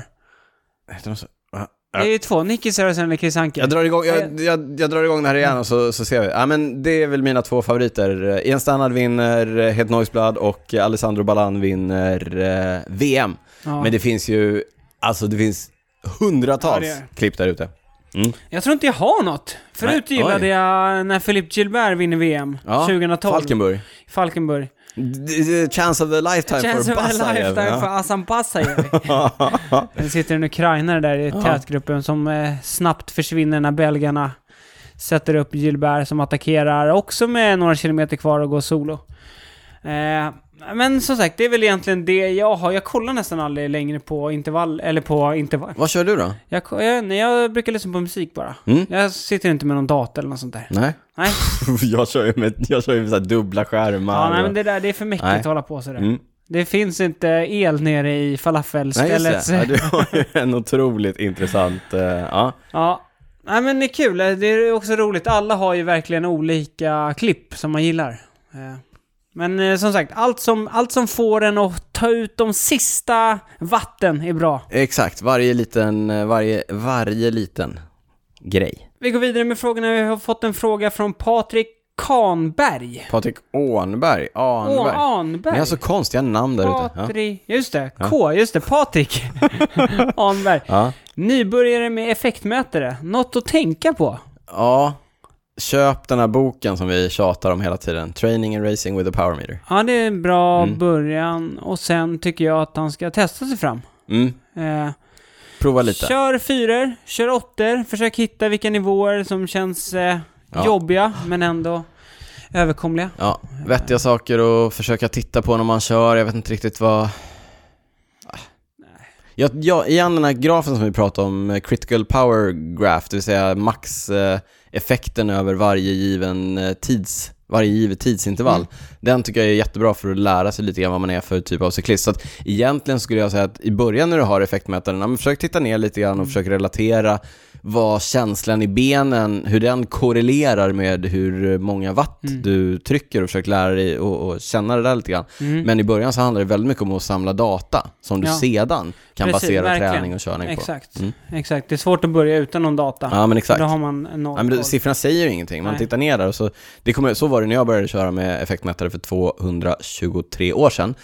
Att så här, jag bara, åh nu har jag effektmätare, nu grymt. Och så tittar man ner på den här så fattar ingenting. Nej. Det är bara siffror, de säger ingenting i början. Men ju mer man samlar på sig data, ju mer man faktiskt tittar på den och, och lär sig av den, eh, desto mer kan man liksom eh, dra nytta av.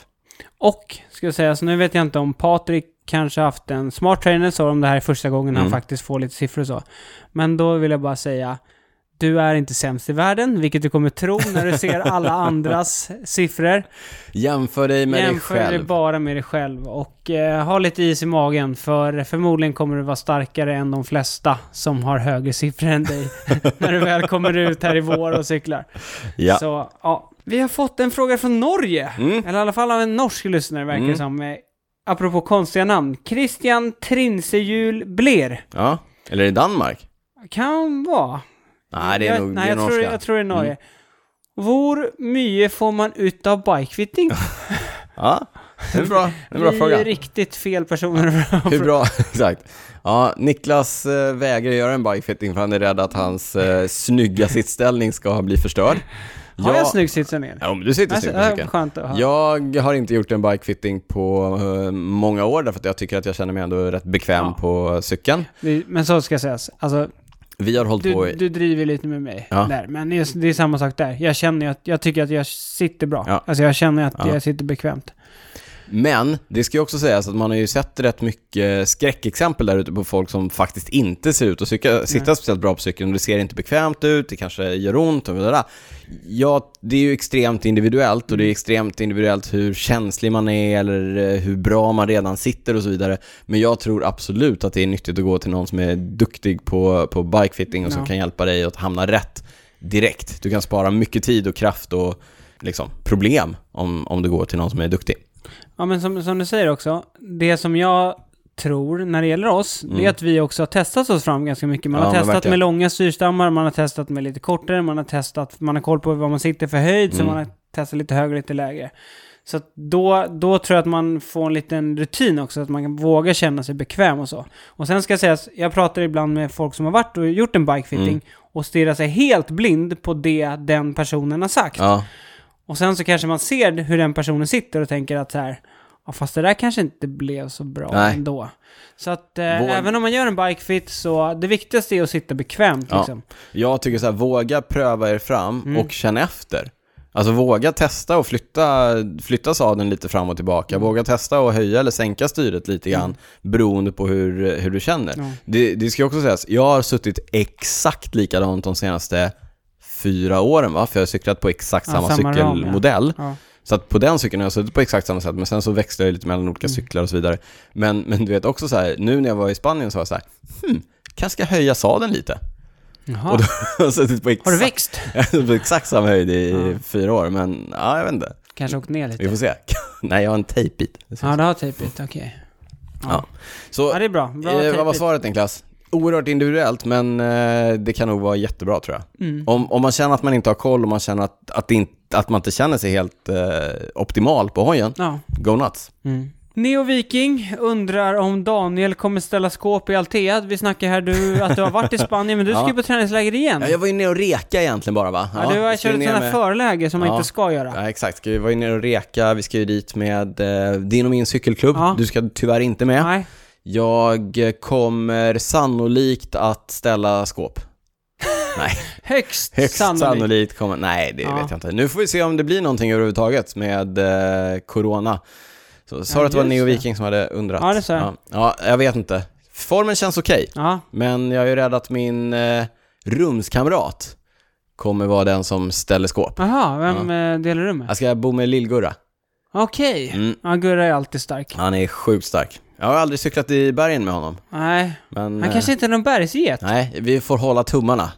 Därför att om han är det, då kommer jag inte ställa skåp. Nej, han är väldigt åkstark på Ja, fötterna. oerhört. Mm. Lillgurra, vi är, in, vi är oerhört eh, interna Ja. här, Cykelwebben-podden.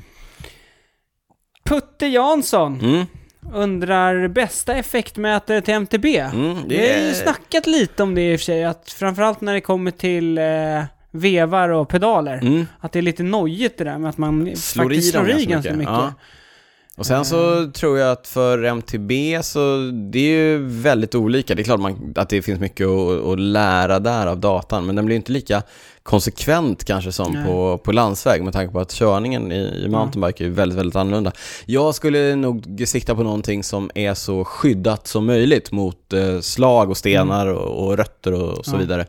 Och då tror jag att det landar på SRM som Ja. fortfarande finns för mountainbike. Och eh, alltså inte deras, de har ju en ny pedalbaserad men Ja. kanske inte den utan menar den klassiska. Ja. Som också Quark har en som sitter i vevpartiet, inte Mm. vevlaget, men vevpartiet. Mm. Eh, Stages sitter i vevarmen, är säkert ganska väl skyddad, men ah, jag skulle säga Quark eller SRM och där är väl Quark kanske bäst ur ett pris slash handhavande perspektiv. Bra svar. Mm. Och den sista frågan har vi redan svarat på. Det var ju den här med eh, dina Mm. åttor. Ja, just det, hur jag kör dem. Ja, Puls, effekt, känsla.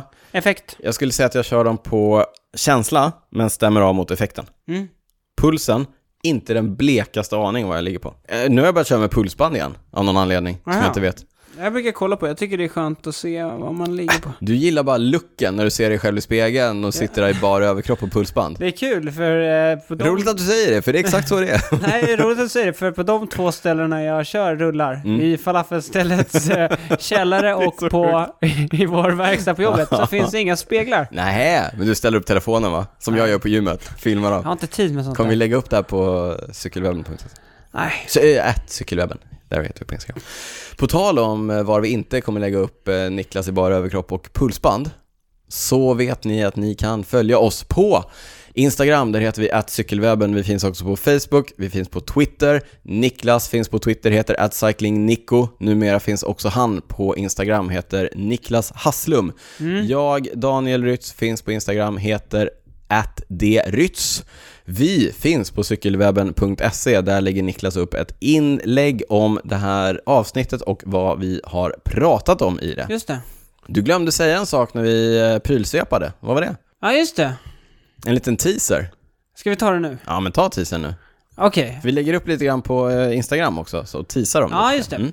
Jo, men eh, du som är prylexpert, Ja. du, även solen har sina fläckar, Ja, så du exakt. missade ju att nämna att eh, Rafa, Ja, som vi känner om, Det eh, brittiska klädmärket och, som nu eh, också faktiskt gör skor, ja, har gjort ett par. Men de har släppt ett par ny, nya landsvägsskor ja.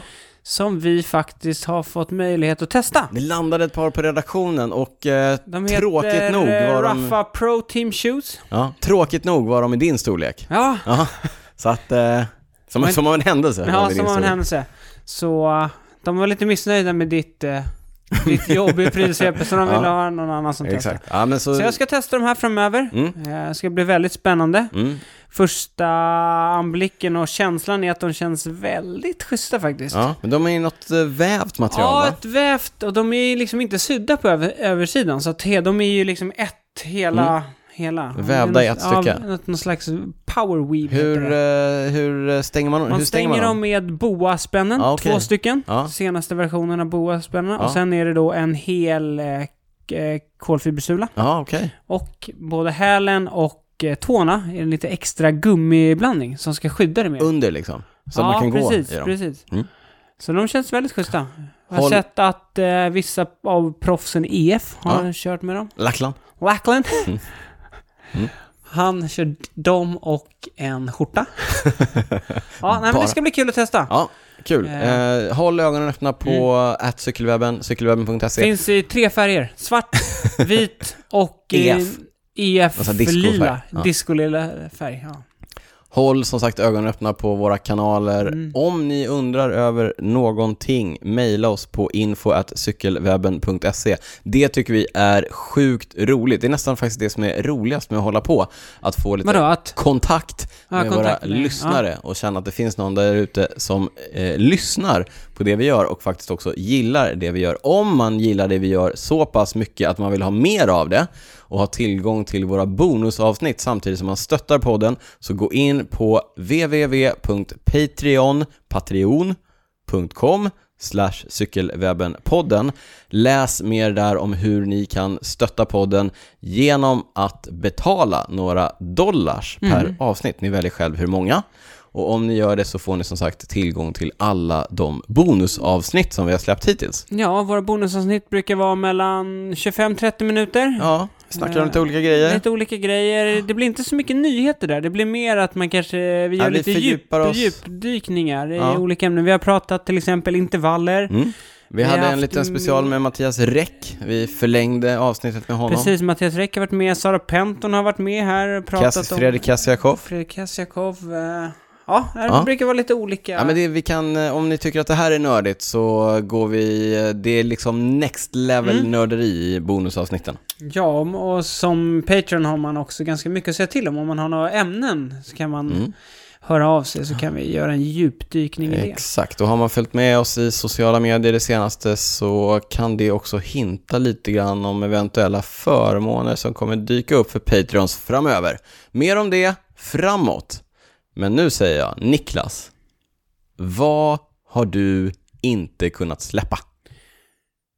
Ja, eh, jag tänkte, jag var ju på den här uh, uppstartsträffen för Skåda Cycling Team. Ja, det var inte jag tyvärr. Nej, du var inte där. Du Nej, var, var i Spanien. iväg i Spanien. Blev avställd Eh. av Kasper Askren, hängde med Eh. Johan Museev. Mm, och sen då, eh, det var ju ganska mycket trevligt folk där. Ja, Bland annat så... Vilken tur. Ja, bland annat så är årets tränare ingen mindre än Magnus Bäckstedt. ja låter bekant. Ja, Ja, du kanske har följt med cykelsporten? ja, ja. Han har bland annat vunnit en Tour-etapp, han har vunnit eh, Paris-Roubaix. Va? Ja, Sjukt. sjukt. Ja, Men eh, jag hamnade bredvid Mattias, eh, eller Magnus, Ja. Magnus, på, på middagen. oj, det var trevligt. Och jag blev ju ganska starstruck, så Ja. jag ställde ju tusen frågor. Ja. Och det var kul. Eh, Ja, För roligt. Magnus, han verkar gilla att berätta. Mm. Så han berättade massa saker och Ja, kul. Eh, Berätta om SM i Uppsala när eh, nej, han, han vann och jag eh, bröt. nej, Inte? nej, jag vet inte Sjukt. varför han eh, Nej, han utelämnade den detaljen. Eh, nej men så, eh, en av grejerna var att han berättade lite, för han körde också med effektmätare. Mm. Och han berättade lite siffror och sådär. Ja, Han berättade när han var uppdragare. Han, Ja. Bland annat, jag vet inte om jag får berätta det, men jag, jag kör ändå. Eh, eh, men eh, han berättade när han eh, gjorde ett uppdrag till någon. ja. Då låg han sista... spurtuppdragare Ja, han låg som, spurtuppdrag. ja. Hans sista förning. Då snittade han eh, 1300 watt i en minut. det är sinnessjukt. Eh, Ja, Och då, som jag sa här, jag har kört lite på rullarna på jobbet med effektmätare och Ja. jag vet ungefär vad jag ligger på. Tre minuter. Så, ja. Det, Ja. det, det jag inte riktigt kan släppa är skillnaden på proffsen och oss eh, motionärer. jag har maxat 1280 watt eller något sånt där i en eh, spurt någon gång. Alltså då snackar vi 5-7 sekunder ja, kanske. ja, Mm, knappt precis. det. Det har varit uppe på de siffrorna, nuddat ja. Ja. ja. Eh, Men, men eh, förhoppningsvis så kanske eh, Magnus dyker upp i podden framöver. Oh, är det du som lovar runt nu? Nej, du sa förhoppningsvis. Ja, du förhoppningsvis. lovar ingenting. Nej, då lovar man Det- ingenting. Håller vi tummarna Mm. för. Det vore sjukt kul. Eh, Ja. Så det är så. Roligt. Vad har du inte kunnat släppa sen vi sågs? Det var Min- länge sedan vi sågs. Ja, det var det. Minns du i höstas när jag fick testa ett par smarta rullar ifrån Elite? Just det. Ja, de har jag pratat om i prylsvepet. Mm. Det är som en smart trainer, fast det är Mm. rullar. Och jag gillar ju rullar. Du Mm. och jag gillar rullar. Ja. Vi är lite grann eh, rullarnas eh, främsta förespråkare Ja. här. Ja. Jag ser faktiskt inte så många andra som förespråkar det. Nej. Det är en som förespråkar det för Ja. övrigt. Bäckstedt. Magnus Bäckstedt, du ser. Ja. Du, eh, vi kör ju på samma, typ samma modell. Du har en billig Tax, taxrulle, ja. en enkel taxrulle Mm. utan motstånd. Och jag kör ju i princip bara min träning på, på rullar numera. Mm. Jag har ju en smart trainer, en Ja. sån här dyr Ja. Tax Neo. Den gillar du inte? Jag gillar den inte. Jag kör... Du gillar den inte? jag gillar den Nej. inte. Jag har kört en del, jag kör ju Swift Race och sådär på den. Det funkar ju Ja. väldigt bra till. Men jag gillar liksom inte känslan i den. Gillar inte att köra intervaller på den. Det, jag gillar den inte. Nej. Och mm, så hade jag liksom ett pass i fredags Mm. som jag tänkte att jag skulle köra. Och så hade jag en idé om hur hårt jag skulle köra det Mm. och vilken typ av intervall jag skulle köra det. Och så tänkte jag så här, jag kommer ha svårt att trycka upp mina stackars gamla taxrullar utan motstånd liksom i de här Ja, du eh, skulle köra på rullarna. effekttalen. Ja. Mm. Åh, ska jag behöva köra på den här neon och... Mm. så kände jag. Gud vad jobbigt att ha en smart. Ja. och så har jag ju lånat ut min Monark också på eh, obestämd Ja. Ja. tid och sådär. Och så tänkte jag, åh, jag kommer behöva sitta och, och du vet, Mm. trampa i 140 kadens Ja. om jag ska komma upp i rätt eh, Studsa effekt på de här, på mina gamla tråkiga rullar. Så kom jag, på, kom jag att tänka på de här smarta rullarna som jag hade testat. Mm. För de har jag inte riktigt kunnat släppa. Nej. Men så kom jag på att en eh, cykelkompis hade ju lagt ut ett par sådana till försäljning Jaha. på internet. Han gillar inte På en rullar. köp och säljsida. Han eller jag- hon. Jag tror han gillar dem, men han eh, använder dem nog inte så mycket. Nej. För han gillar också att cykla ute. Mhm. Ja, då tänkte jag så här. Det är inte så vanligt att folk gillar. Hmm, nej, exakt. Hmm, tänkte Mm. jag. Ja, hmm. Så jag hörde av mig till honom och så, eh, så dealade vi lite med varandra. där, Struck a alltså. deal. Struck a deal, Ja. skaka hand. Eh, sprang från jobbet i fredags, hoppade i bilen, körde till eh, Sickla här. Mhm. Eh, skaka hand, hämta rullarna. Ja. Sprang upp med dem här, på, eh, här, här uppe i min träningshörna. Ja. Bytte ut de gamla taxirullarna mot ett par nya smarta elitrullar. ja. Och så körde jag mitt pass. Så, Så- du är uppgraderad? Nu är jag uppgraderad. Jag känner mig Smarta lite rullar. sviken faktiskt. Ja, jag vet. Jag är lite, alltså det var, det var svårt måste jag säga. Ja. Det, är inte samma, det är Du inte kommer riktigt aldrig samma gå grej. tillbaka till den vanliga. Nej, det blir svårt. Ja. Fast det är fortfarande skön känsla i de där alltså. Det är det. Vi får se. Är det samma känsla om man kör utan motorn? I, alltså de smarta Nej, rullarna? nej, det är det inte, utan de har ju, om du kanske kommer ihåg som jag berättade i min recension, de har ju vikter på. Mm. Så att själva rullarna är tyngre, så de ger nästan Okej. en, en, en bättre känsla. Men, Bättre? bättre? jag, jag vet att det är svårt. jag vet. Men eh, den är ju, den är ju liksom, den är ju lyxig. Ja. Men den är också rätt om, den är ju omständig. Alltså det som är fint med våra gamla rullar, är de dumma, det är att man bara plockar fram dem och så Mm. Ja. är det klart. Och så vä- de väger ingenting Nej. och de är lätta att hantera och så här. Den där väger ju ändå så här 20 kilo och Ja. jobbig att flytta på, inte lika lätt att stuva undan och sådär. Men eh, jag, hade ju, jag kunde ju inte släppa den ändå, nej. uppenbart. nej. Så eh, det jag Ja. inte har kunnat släppa är att eh, jag till slut uppgraderade mina gamla dumma rullar från Tax Mm. till ett par nya smarta ifrån Elite och eh, har kört ett pass på dem och är hittills nöjd. Hittills nöjd. Hittills nöjd igen. Jag Ja. testade ju dem i höstas och då var jag Mm. Men då kändes du inte lika såld, eller? Jo, men jag var ganska såld. Däremot så, som jag sa då, de funkar inte jättebra som, eh, som smarta kanske. Det här Nej. med erg mode och så här, när Nej, så. själva ska anpassa sig, det funkar de inte jättebra Nej. för. Men om man ställer in Men du har ju koll på dina zoner, så du... Ja, exakt. Och sen, eh, de funkar, de funkar ju väldigt bra att koppla ihop med Swift och sådär och Ja. få motstånd. Sen får jag se om jag, vi får se om jag behåller neon och ändå racea lite på den Ja, lite då och det. då. Vi får se. Det var en eh, lång utläggning. Ja. Det var ett långt avsnitt. Blev det ändå? Ja, det blev Trots, ett långt eh, avsnitt. Trots eh, inga tävlingar, trots Ja. corona, trots inställda klassiker. Tråkigt nog, men Mm. eh, vi fick ändå ihop något. Det, Det är vi glada vi. över. Ja, verkligen. Ja. Nej, men vi säger väl eh, tack för idag. För Tack er för som idag, är för patrons idag. så hörs vi i bonusavsnitt Mm. som vi brukar släppa på fredagar. Ja. Det siktar vi på att göra även den här gången. eh, Men eh, fram tills dess och för dig som är bara, bara är ordinarie, vanlig lyssnare, Mm. så hörs vi om två veckor igen. Men eh, tills dess säger vi på italienska. Hoppas att det Ja, inte... det har blivit eh, någon standardfras Ja, men vi hoppas att det inte smittar, hoppas Nej. att det inte är någon fara med det. Men vi säger väl som vanligt, eh, Ciao, ciao! ciao ciao!